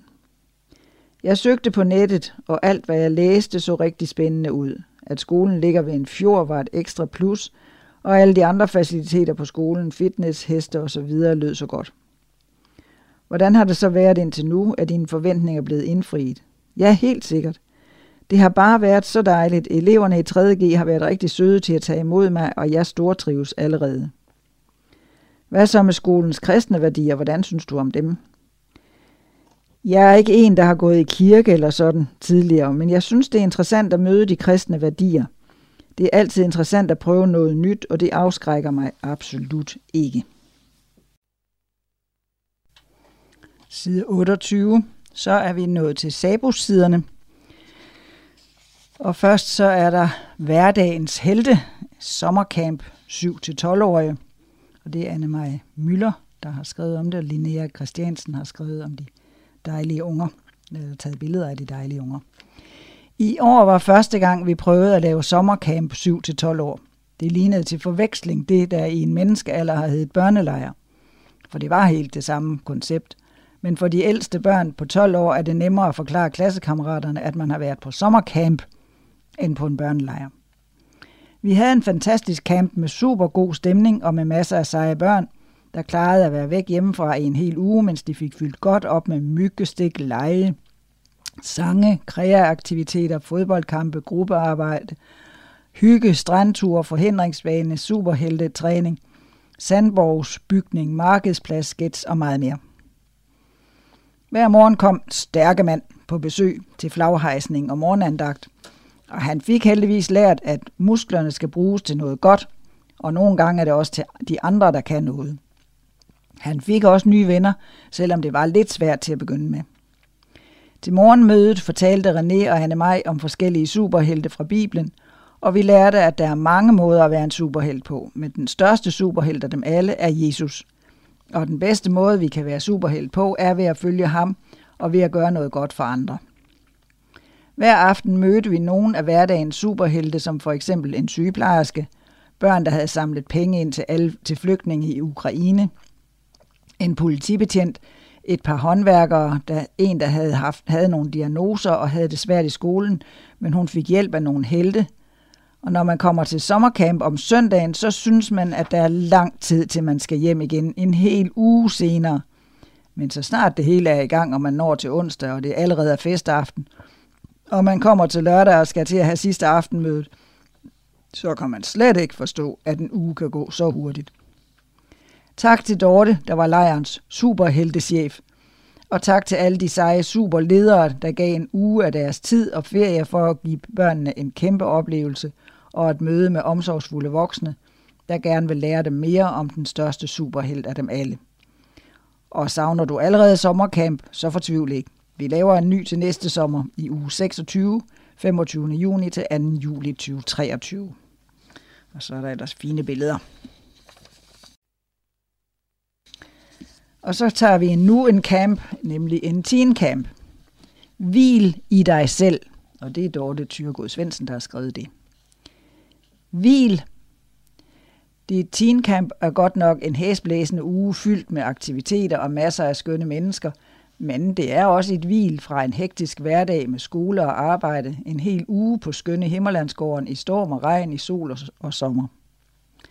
Og i Teen Camp handler om fællesskab – fællesskab med Gud og fællesskab med nye og gamle venner. Og i år stod Anne Maj for at samle vidnesbyrd fra os, der var en del af campen, både unge og ældre. Vi fik lov at høre, hvordan forskellige deltagere hviler mere eller mindre i sig selv, og hvordan vi vokser i rejsen gennem livet og ofte sammen med Gud. Personligt blev jeg meget rørt over særligt et vidnesbyrd, som handlede om at passe ind og være sig selv, om at komme fra en anden kultur og have rygsækken fuld af erfaringer og viden og vilje og drømme og tanker, men møde sin egen modstand i at træde ud i kulturskiftet, sprogudfordringen og ens egen perfektionisme. Tak fordi I delte. Og så kommer vi til dig. Soveværelset i gåseøjne er et fænomen, som unge i alle aldre holder meget af. Et sted, hvor lederne på skift giver plads til snak om dette og hint. På opfordring fra teenagerne – uden svar om rigtigt eller forkert, men hvor der øses ud af egne erfaringer, sludres og snakkes, skabes relationer og grines og grædes. Et rum, hvor du på alle måder kan være dig selv i trygge rammer og med kæmpe omfavnende accept. Og så til selv. Så har vi taget hvil i dig, og så kommer vi til selv. Teencampen er en sommerboble, som man ville ønske kunne vare ved – en optankning af fællesskab og kristen samvær, bønder og sange, samtaler og pjat. Og når man kommer hjem og hverdagen rammer, så kan der være en hel masse, som man stadig har brug for at få til at lande. Samtaler, har gjort, som har gjort indtryk, følelser, som er bragt i kog, spørgsmål, som kræver svar, venner, som pludselig er langt væk. En ensomhed, når man ikke længere har teenkampens ledere, præster og teenager omkring sig. Heldigvis er de tre regionale teengrupper godt i gang med at planlægge mindre teensammenkomster, så der er håb forude. Håb om mere teensamvær, så vi ikke skal vente et helt år mere, før vi igen kan være sammen og synge, prise Gud og lære at hvile endnu mere i os selv, fordi vi stoler på ham. Og så er der fine billeder af nogen, der absolut hviler i diverse hønder og hvad ved jeg. Og nogen, som er ude og gå, og nogen, som er i boblebad, tror jeg. I hvert fald sådan et vildmarksbad. Så har vi en Wild West 2.0 spejderlejr. Og det er Jakob Falk, der har skrevet og fotograferet. Jeg tror nu, han har haft en drone i gang her. Dette er i den tidlige morgenstund. Solen kæmper en brav kamp for at få sine lange stråler til at brænde igennem tæppet af tåge, der ellers ligger tungt over teltene. Den gamle prærievogn står parkeret ved indgangsportalen på Prairie City, og lader man blikket vandre ned langs hovedgaden, skinner nybyggernes flotte pionerarbejde klart igennem. Pludselig flænges stillheden af en infernalsk larm af live country blues fra en elgitar. Det var klart og tydeligt, at de godt 150 deltagere havde rejst vestpå og nu skulle slå sig ned i det vilde vesten. De var klar til en uge fyldt med spændende aktiviteter, pionerarbejde, sjov underholdning, gode talere og masser af bålrøg. Dette afspejlede sig klart og tydeligt, da samtlige troppers lejrpladser hurtigt stod klar med flotte indgangsportaler, der skabte en vaskeægte westernstemning på hovedgaden i Prairie City. Opbakningen var stor til diverse aktiviteter, hvoraf der både var bueskydning og skydning med revolver. Ved indianerlandet ulmede det af hygge, når de mange kreative deltagere sad ved tipien og flettede paracord, armbånd og arbejdede med læder. Der var også oløb, combat archer, hesteridning og masser af andet sjov. Der var en helt særlig stemning til de sjove dyster som skattejagt og venskabsaktivitet – men helt særligt også, da hver trop fik en time til at lave hver sin totempæl. Man kan jo selvfølgelig ikke have en spejderlejr uden en terræntur, og i år var ingen undtagelse. Hvert hold fik som startopgave at bygge sin egen prærievogn, der skulle medbringes på rejsen, da de skulle drage vestpå. Undervejs måtte de klare forskellige opgaver og løse problemstillinger, så de i sidste ende kunne forhandle sig til ting, der øgede deres livsglæde. Om aftenen ved lejrbålene var stemningen magisk, men særligt ved den nye friluftscene, som var placeret ved Oak Hill. Her var der andagt hver aften og fællesbål, hvoraf vi kunne synge sabaten ind, sammen med en udendørs lovsangsaften. Til sidst skal der lyde en stor tak til alle frivillige, der hjalp til. I gjorde et fantastisk stykke arbejde. For mit og Torbens vedkommende var det vores første spejderlejr, og vi blev kastet lige ud i det. Men vi er rigtig taknemmelige for den gode stemning, der var på lejren, og hvor godt vi blev taget imod.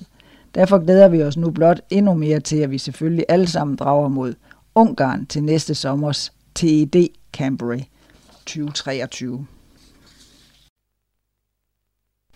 Og så skal vi til kongres. AYC, European AYC Kongres. Tirsdag morgen den 2. august drog en bus fuld unge mennesker afsted med Lati i Finland. Det, gjorde humør, det gode humør var pakket øverst i bagagen, og smil og latter var der masser af. Byen Lati bød danskerne velkommen med dejligt solskinsvær, der indbød til at gå på opdagelse i byen og parkere samt deltage i diverse workshops og aktiviteter. Læs nogle af de unges oplevelser her. Og der er billeder på det hele også. Hanna Falk fortæller, det er altid mega fedt at komme sammen og tilbede vores Gud i himlen. Møderne under AYC var meget inspirerende, og morgenen gennemgik Daniel Boskt slutningen af Johannes evangeliet, og om aftenen hørte vi David Asherik fortælle om, hvordan Gud har skabt os til hvile, til tjene og til at dele budskabet. Et af mine yndlingsminder fra AUC er helt klart dåben, hvor 12 personer blev døbt. Der er bare noget fantastisk ved at se folk give deres liv til Gud. Det gør mig altid så glad. Og Hanna Spangård fortæller, fredag eftermiddag var der opstillet boder til alle nationerne til Exhibitions of Nation. Deltagerne fik et pas, hvor man skulle samle på stempler ved at besøge disse boder. For at få disse stempler skulle man prøve forskellige ting fra de enkelte lande. Det kunne være nationale snacks, folkedanse, quizzer med mere. Jeg synes helt klart, at det var en fantastisk måde at få en smule af hver nationskultur med sig hjem fra turen. Benjamin Lundqvist fortæller, for at underholde os unge på kongressen var der naturligvis også indlagt workshops eller kurser i programmet, som på mange forskellige måder var berigende affære. Der var workshops om mentalt helbred, kultur i relation til religion, kreativ tilbedelse og meget mere. Selv var jeg begejstret for dem, der handlede om forhold, kærlighed og sex, hvilket var nogle meget opløftende og relevante kurser.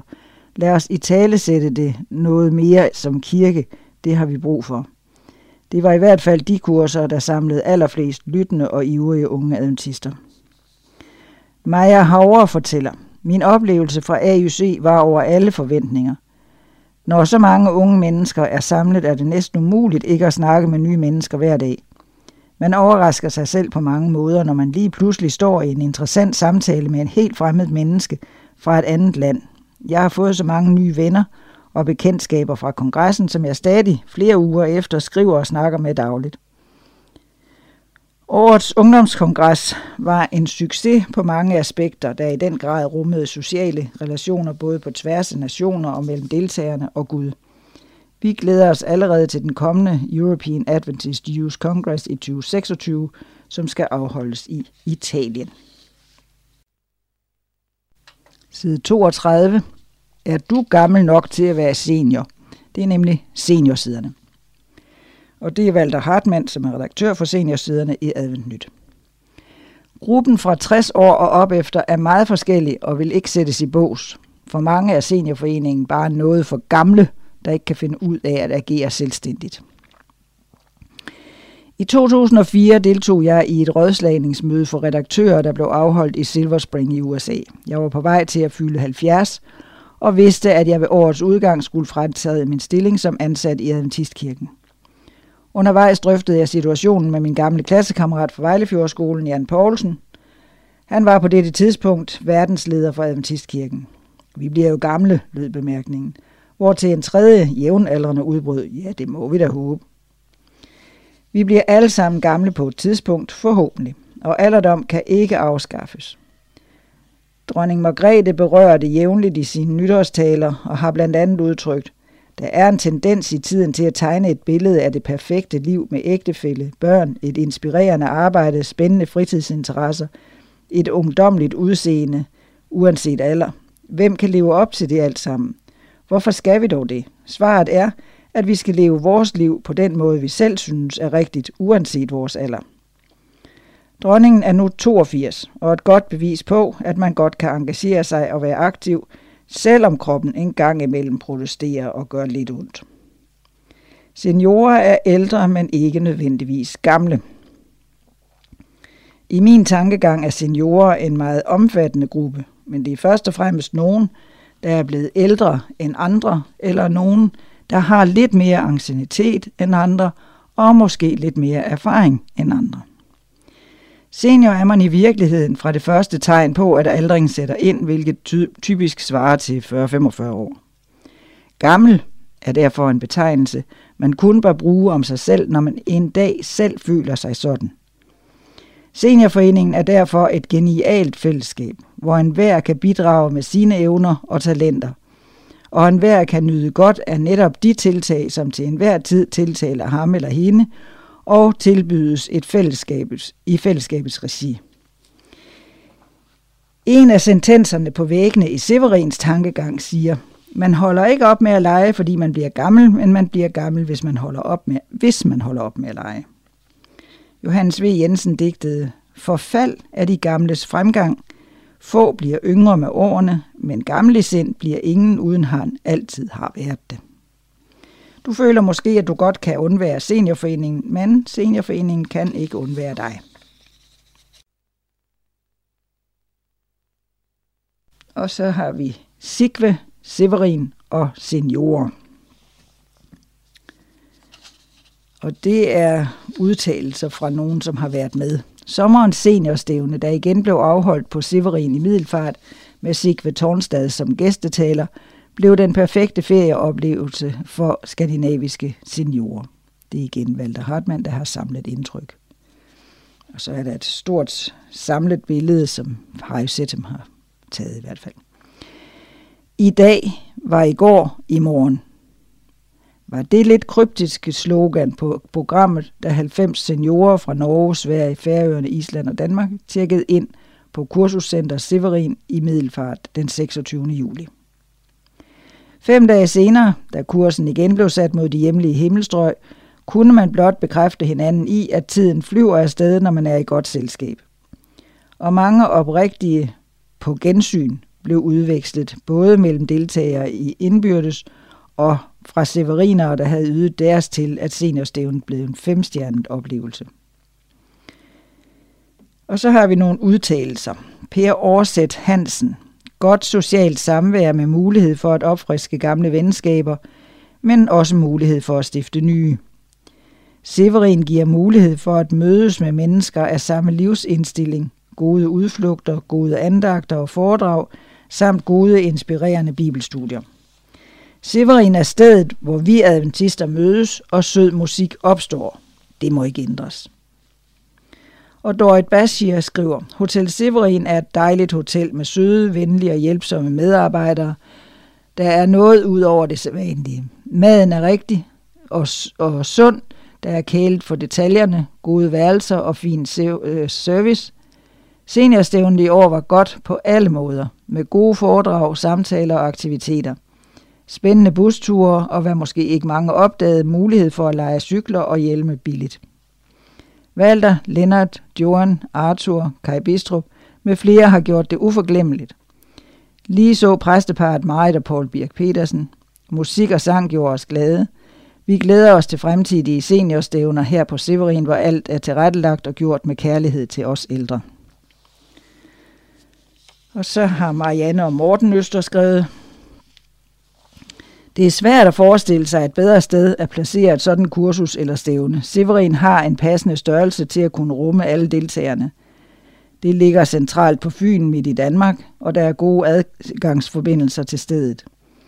Det valgte program, som Seniorforeningens bestyrelse og Walter Hartmann havde tilrettelagt, var yderst interessant og meget alsidigt. Man kunne nogle gange slappe af og deltage i sang, mens man andre gange skulle skærpe sanserne og lytte godt efter for at få alle detaljer og den fulde forståelse af det, vi fik forelagt.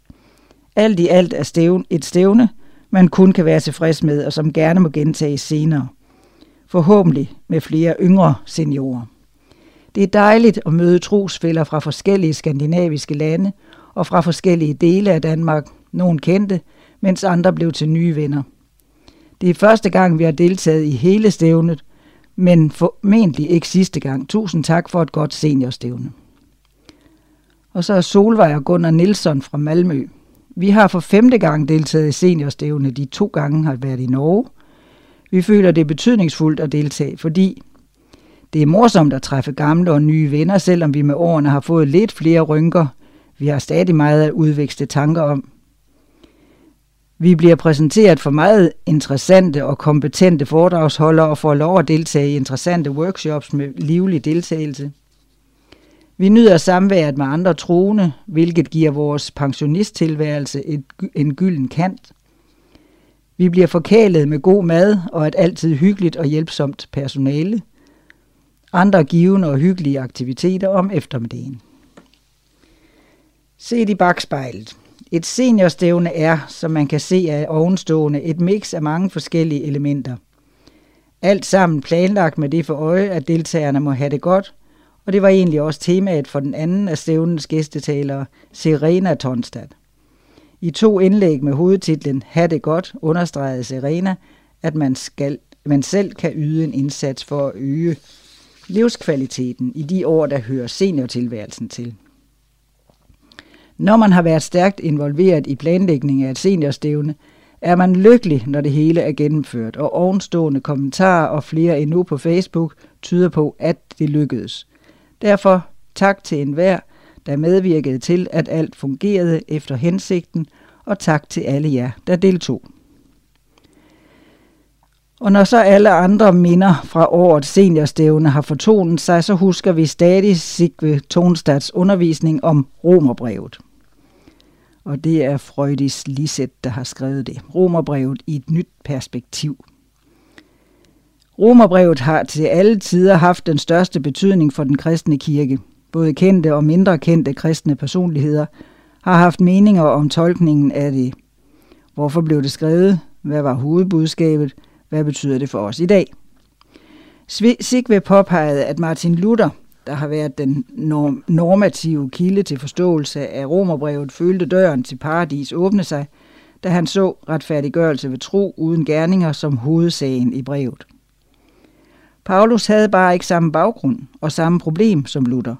Som from jøde troede han ikke på, at egne gode gerninger var grundlag for frelsen. Han havde det gamle testamente som en selvfølgelig kontekst for, for det, han skrev.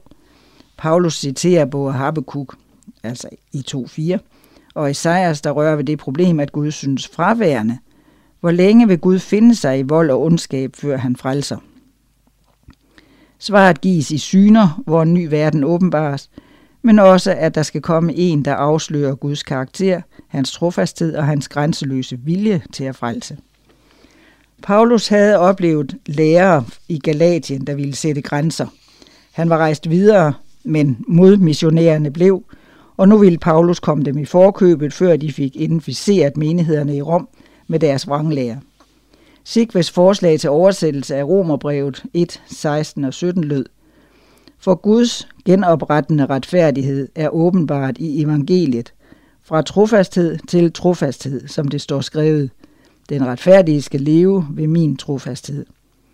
Vi fik meget at tænke over. Fokus blev flyttet fra min ikke altid lige stabile tro til noget, der står urokkeligt fast, Guds trofasthed.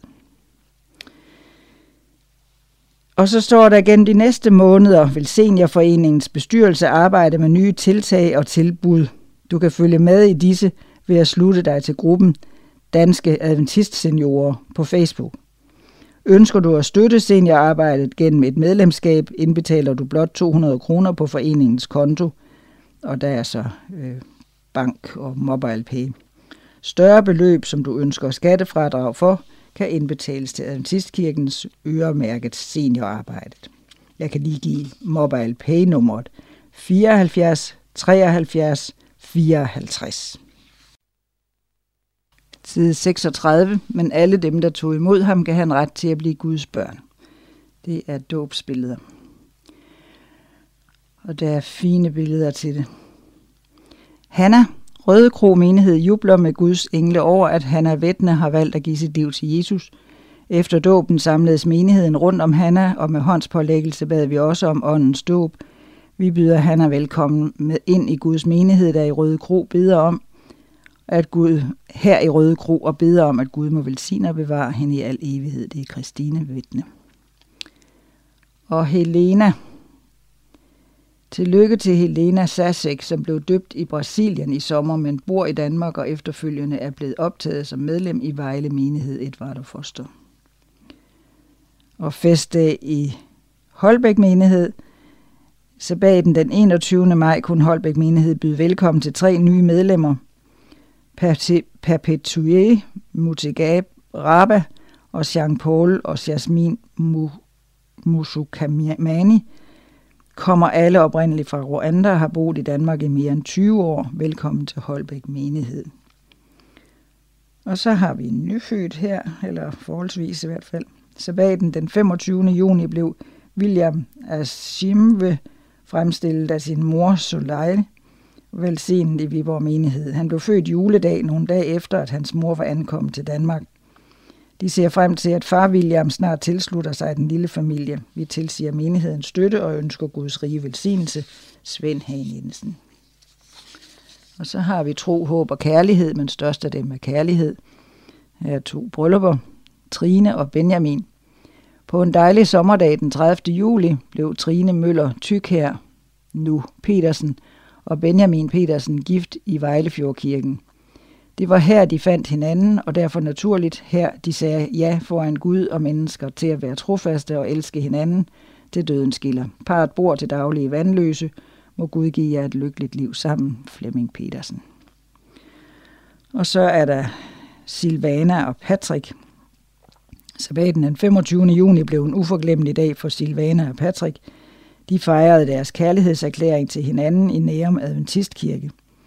Det nye ægtepar har taget hinandens efternavne og tilføjet Jensen, Silvana Teofile, Teofilova Vasva Jensen og Patrick Teofilova Vasva Jensen. Vi ønsker dem alt det bedste og Guds velsignelse i ægteskabet og det fælles liv fremover. Det er Michael Bistrup. Og så har vi nogle fødselsdage, runde fødselsdage. Og først er det i november måned, og det er en 95-års fødselsdag. Hans Arne Sørensen i Faxe. Den 16. i 11. bliver 95. Herdis Viola Nielsen i Vejen, 90 år, den 4. i 11. Ruth Christen, Elinor Christensen i Odense, 90 år, den 8. i 11. Birgit Lilian Kanvin i Horsens, 90 år, den 12. i 11. Inge Nielsen, Kongens Lyngby, 85 år, den 9. i 11. Ingrid Holm Ballerup, 85 år, den 21. i 11. Mette Sigstad Jensen i Louisats, 80 år, den 16. i 11. Harold Lee Ringsted, 75 år, den 7. i 11. Kamma Østergaard, Ringsted, 75 år, den 12. i 11. Hans Roland Andersen, og Kirkeby, 75 år, den 28. 11. Jarl Nordal Klarup, 75 år, den 30. 11. Josef Kovacs, Stoholm i Jylland, 70 år, den 23. 11. Lilian Let Mikkelsen, Kokkedal, 70 år, den 27. 11. Og Elisabeth Botenko i Ribe, 70 år, den 29. 11. Og så har vi i december måned, der har vi en 95 års fødselsdag, Grete Jensen i Holstebro, 95 år, den 21. i 12. Solly Sofia Holm i Daggård, 90 år, den 28. i 12. Jens Martin Tofterup i Faxe, 80 år, den 2. i 12. Anne Lise Jensen, Kalundborg, 80 år, den 14. i 12. Heidi Yvonne Tillemann Andersen i Næstved, 80 år, den 15. i 12. Aslam Kouchang øh, i Kastrup, 75 år, den 4. 12. Hanne Grete Slot, Solbjerg, 75 år, den 17. 12. Bjarne Sten Jalving, Hillerød, 70 år, den 11. 12. Lisbeth Ritman Christensen, Brogst, 70 år, den 30. 12. Igdis Anna Vasli, Nærum, 70 år, den 30. 12. Side 38. Det er annoncer. Praktiske dage på Himmerlandsgården den 16. til 19. oktober inden familielejren.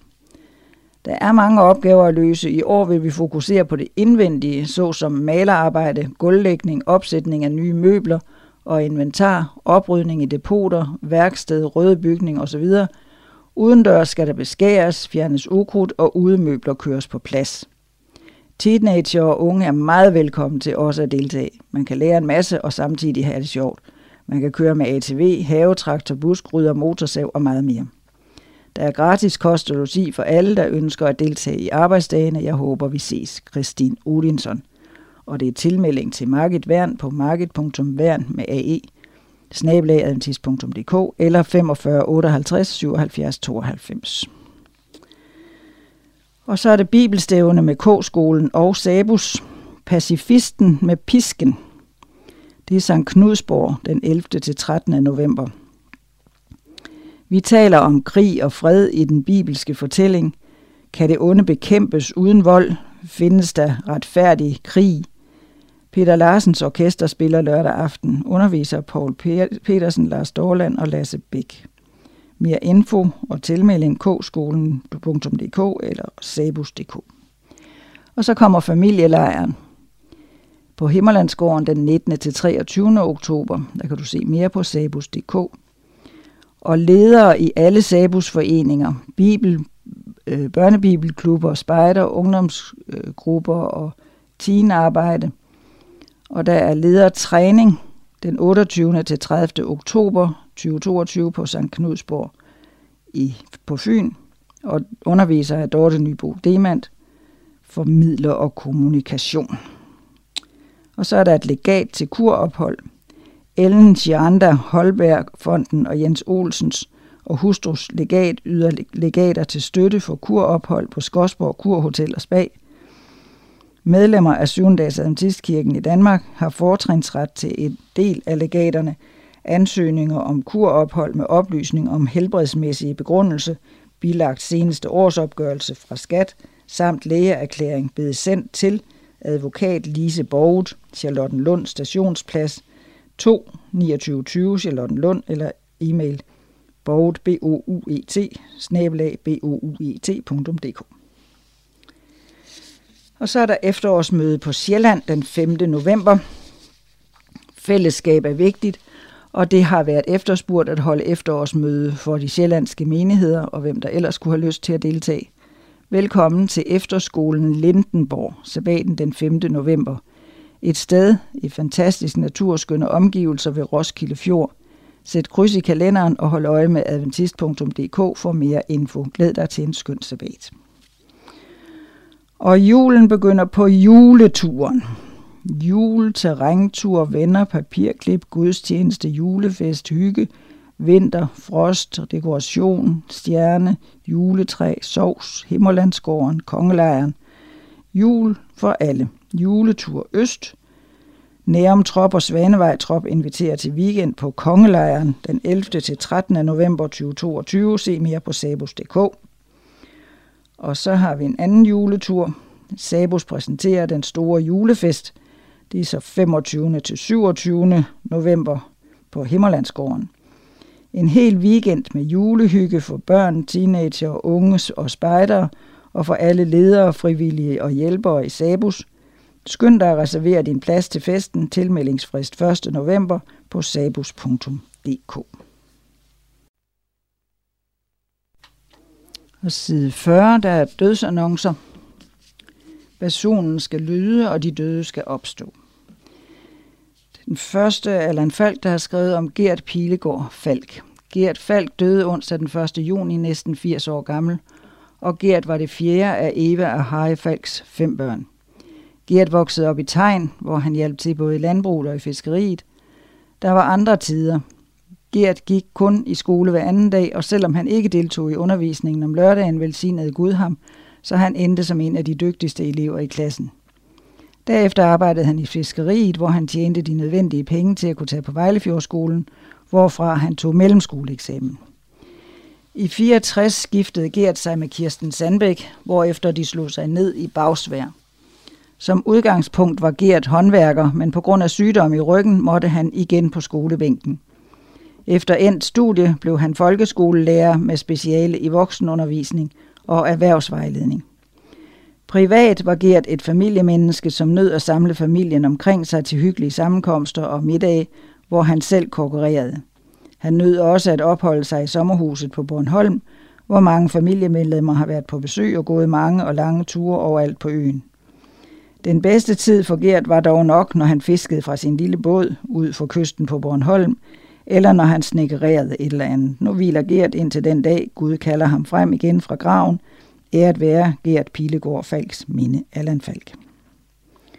Og så har Roland Leibjørn skrevet om Jens Peter Sørensen. Efter et langt arbejdsliv, efter kort tid sygdom, er Jens Peter sovet stille ind på plejehjemmet Solgården i Hundborg, som var hans hjem den sidste tid som himlens ambassadør på denne jord. Jens Peter blev født i Ås den 20. april 1938 og blev døbt den 10. juni 2006 af Roland Leibjørn. Han var en stille og omgængelig mand, glad for livet og aktiv, indtil han kom på plejehjemmet Solgården. Han kom fra Indre Mission og havde en god tilgang til Bibelens tro og lære.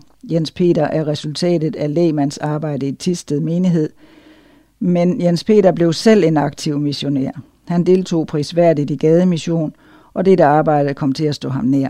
Jens Peter havde det meste af sit liv arbejdet ved landbruget, og de sidste mange år tjente han hos sin bror på hans ejendom. I sin pensionisttid passede han haver for andre, han blev aldrig gift, og efterlader sig derfor ingen børn. Han efterlader sig kun gode minder og en tom plads i kirken, og han hviler nu i sin grav, indtil Jesus hjemkalder ham. Æret være Jens Peters mine. Roland Leibjørn. Og så har Henrik Jørgensen skrevet om Nana Massen. Efter et langt liv sov Nana Madsen stille ind den 21. juni 2022. Hun blev født den 7. december 1922 i et fattigt fiskerhjem med røgeri i Melsted på Bornholm. Hun var den yngste af Anders og Jane Bensens fem børn.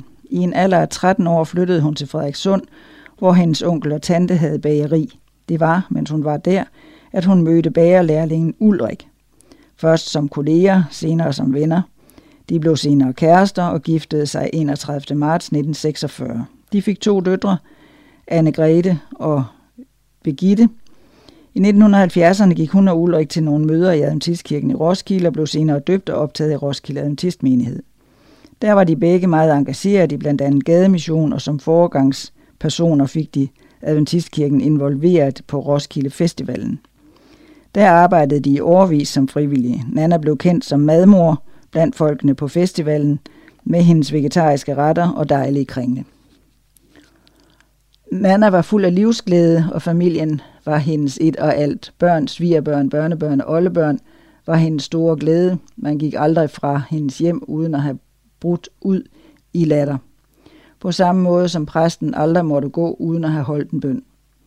Et langt og aktivt liv er slut, og vi siger farvel til et fint menneske, en kærlig mor og svigermor, en højt elsket mormor og oldemor, der nu hviler i troen på Gud og på frelsen og opstandelsen. Æret være Nana Massens minde. Og så har vi Esther Andersen, der sov stille ind på Søndervang 30. juni 2022 efter nogle få ugers sengeleje. Hun var født på Island i 1925 og kom til Danmark, inden 2. verdenskrig startede. Esther blev uddannet til fysioterapeut fra Skodsborg Fysioterapiskole, og da krigen brød ud, befandt hun sig i Danmark og blev boende her lidt ufrivilligt. Senere giftede hun sig med Herbert. Familien flyttede til Ystad i Sverige, hvor de to første børn, Hans og Jan, blev født. Esther længtes dog hjem til Island og rejste dertil med sine to børn og boede der nogle år. Efter tiden i Island bosatte familien sig i Helsingør. Her blev familien forøget med endnu en søn, Sten. I Helsingør fik de 11 dejlige år, indtil de købte en klinik i Korsør, hvor de boede til deres pensionsalder. Da livet blev svært for hendes mand Herbert, flyttede de begge til Søndervang, hvor Esther nåede at bo i over syv år. Esther var en trofast gæst i Faxe menighed, og hun tilhørte Slagelse menighed. Esther var en varm personlighed, som havde en udbredt rummelighed over for andre mennesker.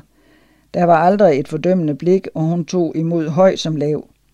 Deres hjem var altid gæstfrit, og alle følte sig velkommen. Der var en ro og værdighed over deres hjem, noget enhver kunne mærke, når de kom på besøg. Esther efterlader sig tre sønner og deres familier, ni børnebørn, 16 oldebørn og hele fem tip-oldebørn. Vi lyser fred over Esther Andersens minde, Jan Gunnar Vold. Og så har Torben Rasmussen skrevet om Bent Markusen. Onsdag aften den 13. juli 2022 sov Bent Markusen stille ind og fik fred efter i længere tid at have kæmpet med sygdom i kroppen og sorg i sindet over tabet af sin hustru Edith Markusen, der døde i foråret 2020. Han blev begravet på Kølgær Kirkegård den 19. juli og venter nu sammen med Edith på at møde Jesus, som de begge fulgte i tygt og tyndt gennem et langt liv sammen.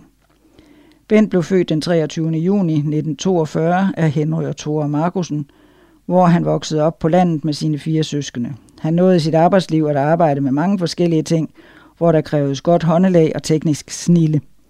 Bent var kendt af mange fra årene som bestyrer på Himmerlandsgården, hvor han gjorde sig bemærket med sit drillesyge lune og sin praktiske sans. Han og Edith havde et stort hjerte for andre, hvilket kom til udtryk i deres hjælpsomhed over for familie, venner og bekendte, men også i deres engagement og interesse for hjælpearbejde i Adra, til fattige i Rumænien og med de polske børn, der i en årrække kom på sommerophold på Himmerlandsgården. De senere år blev kræfterne lagt i genbrugsbutikken Happy Hand i Ikast, hvor Bent fik lov til at kombinere sin hjertevarme interesse for mennesker og det praktiske håndlag, der gang på gang sikrede, at møbler, der skulle have været kasseret, alligevel blev klar til salg i butikken. Bent efterlader sig sine tre børn, to børnebørn og sit oldebarn, er at være Bent Markusens minde, Torben Rasmussen. Og så kommer vi til min mor, Nana Jensen. Vi sagde et sidste farvel til vores mor den 9. august i Lille Nørlund menighed.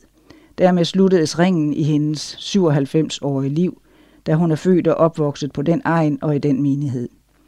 Mor blev født 1. maj 1925 i Søby ved Kølkær og døde den 30. juli 2022 i Morud. Mor blev døbt af P.G. Nelson i 1939 i Holtum Å ved Haril. I 1940 tog hun til Vejlefjordskolen, hvor hun mødte far, L.M. Jensen, som var den første, der hilste på hende i spisestuen. Det blev til et venskab og senere ægteskab den 18. juli 1945. Som præstepar havde de en omflakkende tilværelse i en del år, men det blev specielt til mange år i vendsyssel, dog af to omgange, hvor den sidste strakte sig over syv år. Mor var en meget hjælpsom, omsorgsfuld, smilende og imødekommende, kærlig og gavmild person. Hun elskede at lave mad og bage, hvilket mange fik glæde af, da hun gladeligt delte ud af goderne, både ved sammenkomster i hjemmet, når menighederne blev budt hjem, og når der var fællesspisning i menigheden. Når hun var med, så var der altid mad nok. Mor var også en god støtte for far. Det var ikke altid synligt for andre, men vi oplevede det, og det gjorde hans bibelarbejder også.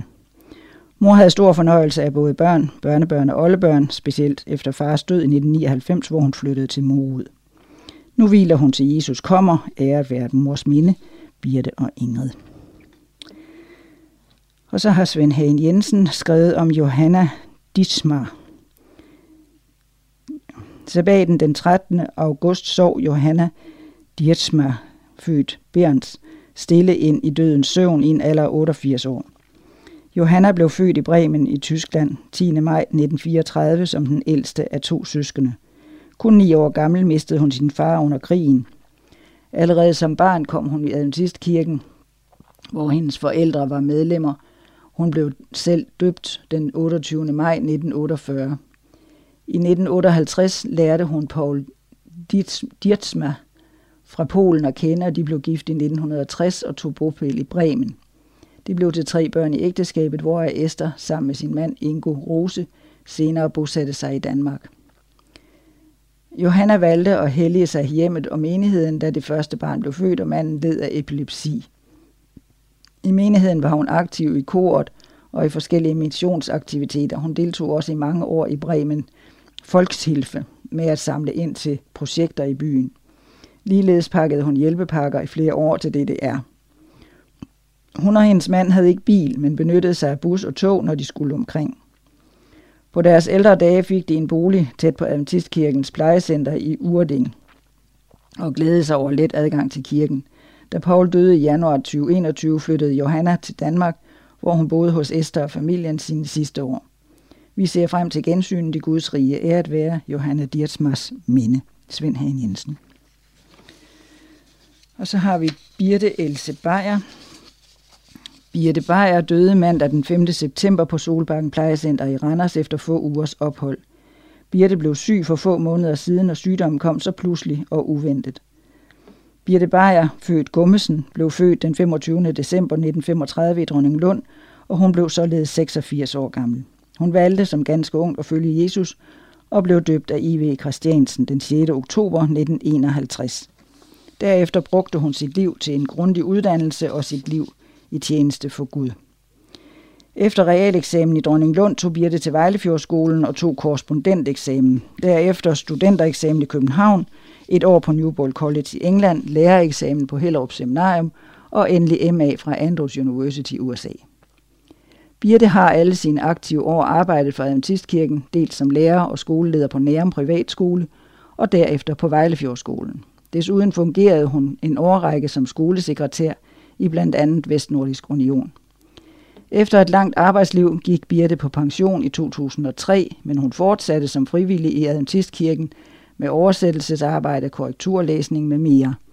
Og de sidste 14 år som medarbejder i Hasta. Hun arbejdede i Guds værk i et langt og meningsfyldt liv, og hun gjorde det med glæde og medmenneskelig omsorg. Birte efterlader sig datteren Marianne med familie. Hun nåede endda at blive tip-oldemor. Nu hviler Birte i familiegravstedet på Jerslev Kirkegård. Vi ser frem til den store opstandelse, når Jesus kommer igen. Æret være Birtes minde, skrevet af Bent Nielsen. Og så, så er der en hjertelig tak for den store og varme deltagelse ved vor kære far, svigerfar, bedstefar og oldefar Bent Markusens død og begravelse. Tak for blomster, hilsner og donationer til Adra Danmark. På familiens vegne, Karsten, Anita og Doris.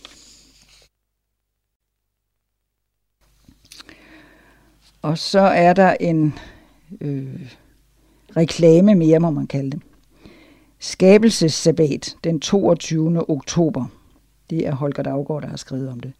Syvende dags Adventistkirken har på verdensplan afsat den 4. sabbat i oktober hvert år som en tilbagevendende speciel fejring af skabelsen. Det er en mulighed for at glæde sig, prise og hvile med Gud, når vi glæder os over alt det, han skabte. Det er samtidig en manifestation af vores tro på den bibelske beretning om skabelsen. Man behøver ikke at være syvendags adventist for at fejre skabelsen. Alle er inviteret til at deltage i fejringen på skabelsessabaten. Lokale kirker rundt om i verden skaber deres egne specielle aktiviteter og begivenheder denne sabbat. Du og din kirke inviteres også til at deltage med et lokalt arrangement. Skabelsessabaten har sin egen hjemmeside, der er spækket med inspiration, praktisk hjælp til at registrere et arrangement, finde et arrangement, øh, prædikenforslag, skriftede salmer, sange samt forslag til programmer for børn og unge. Desuden finder du et rigt udvalg af videoer, links til relaterede websider osv., samt hjælp til at dele dine oplevelser. Side 43. Det er kollektor og kalender. Og der er øh, specielt øh, øh, kollekt i november måned den 12 og det er den sidste sabbat i bedeugen. Og der går kollekten til global mission. Hvis du kunne gøre en forskel i nogens liv ved at undvære noget i en uge, hvad ville det så være? Hvad vil du ofre for mission? En pizza? Et par nye sko? Det seneste nummer af dit yndlingsmagasin? Tænk over, hvad du vil undvære for for eksempel i en uge, og giv derefter de penge, du har sparet i gave til det årlige bede og offer til Global Mission. Pengene går til at oprette centre i nogle af de største byer i verden og støtte Global Mission missionærer, så de kan oprette nye grupper af troende blandt de folkeslag og etniske grupper, der endnu ikke er nået med evangeliet. Kun en tredjedel af jordens befolkning er kristne. Det betyder, at to tredjedel af befolkningen på denne planet ikke kender Jesus. Og så er der øh, adventsgaven den 3. december, og det er Kristin Odinson, som skriver det.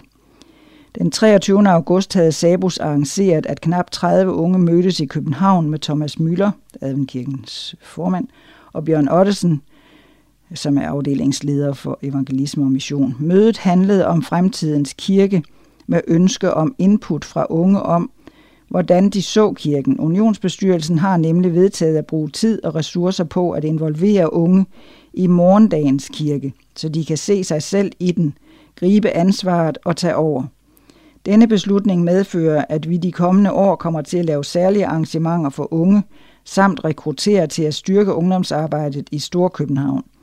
Adventsgaven i år er en gave til unge, så der kan lægges planer for, hvordan vi får involveret flere unge i kirkens arbejde, så de kan se sig selv i kirken og tage ejerskab. Og så har vi kalenderen for det sidste kvartal. Og den 8. og 9. oktober er der kommunikationsdage i Odense. 16. til 19. er der arbejdsdage på Himmerlandsgården. Og 19. til 23. oktober er der så familielejr på Himmerlandsgården. Den 28. til 30. oktober er der Sabus ledertræning på St. Knudsborg på Fyn ved Brænderup. Og den 31. oktober er der deadline for materiale til Advent Nyt nummer 6. Så når vi til november. Den 11. til 13. november er der bibelstævne på Sankt Knudsborg på Fyn. Og 11. til 13. er der samtidig juletur øst i Kongelejren. Og 25. til 27. november er der den store julefest, øh, Sabus, på Himmerlandsgården. Og 4. til 5. december er der unionsbestyrelsesmøde. Og den 5. december er der så adventnyt nummer 6, der udkommer. Og i øvrigt kan du holde dig opdateret på adventist.dk og sabus.dk, og du kan også downloade kalenderen for 2022 på adventist.dk. Og så har vi bagsiden. Sabbatsfrihed og religionsfrihed. Det er Lasse Bæk, som er næstformand i Adventistkirken, der har skrevet det. Da adventismen kom til Danmark i 1800-tallet, havde man søndagslovgivning i Danmark, og udfordringen for adventister, der helligholdt lørdagen som sabbat, blev at kunne praktisere deres tro. Religionsfriheden sikrede jo i princippet, at man kunne dyrke sin tro, men i mange situationer gav det adventister vanskeligheder i praksis. Lørdagen var på de fleste arbejdspladser en arbejdsdag, og i skolen var der skolegang om lørdagen. Det fik en stor omtale i landets aviser, når adventister, der var værnepligtige, ikke ville deltage i øvelser eller eksercits om lørdagen. Og i 1897 kunne man læse i avisen om en adventist ved 20. bataljon i Aarhus, som nægtede at gøre tjeneste om lørdagen, da det stred imod hans religiøse overbevisning. Denne rekrut nummer 52 med det civile navn Kristen Rasmussen blev først sendt på sygehuset, senere på sindssygeanstalten og til sidst i mørk arrest med vand og brød, hvilket ikke lyder rart. Avisen mente, at man måtte respektere soldatens overbevisning og appellerede til myndighederne om at gribe ind og vise hensyn. Skribenten foreslog, at man kunne gøre ham til stuevagt den dag, så han ikke skulle deltage i øvelserne og eksercitsen. Da aviserne i 1899 igen skrev om en lignende sag med en adventist i Nyborg, lød det, at Kristen Rasmussen stadig sad i Vrisløse Lille, altså mere end to år efter. Det fortalte man den nye rekrut, men det afholdt ham nu ikke fra at holde fast i sin overbevisning og selv ryge igennem hele møllen. Aviserne skulle senere omtale soldaten fra Nyborg som den standhaftige adventist. Sådan fortsatte sagerne, og efterhånden fik man lagt sig fast på, at det kostede 60 dages arrest. Indimellem var der officerer, der fandt pragmatiske løsninger, som i 1913, da en kompagnichef fritog en adventist for tjeneste om lørdagen mod, at han til gengæld tjenestegjorde om søndagen. Hertil kommenterer avisen, kunne en lignende simpel fremgangsmåde ikke have været fuldt i disse og alle andre lignende tilfælde. Det støder jo følelsen af, at et menneske skal lide en hård straf for sin religiøse overbevisnings skyld. Det endte med, at værnepligtige adventister blev undtaget fra tjenesten på sabbaten. Samme historie kunne fortælles som lørdagsskolegang for adventisters børn. I mange år blev forældrene idømt bøder, men senere fik de en ret til at være fritaget. Sådan er det i et retssamfund, at man udvikler veje til bedre at rumme religiøse minoriteter. Først kommer de pragmatiske løsninger, så følger rettigheder, der sikrer trosfrihed. Man kan dog frygte, at udviklingen vil kunne gå i den forkerte retning, når man oplever, at religionsfriheden er under pres på arbejdsmarkedet og på studiesteder. Lad os arbejde for og bede til, at det ikke må være tilfældet.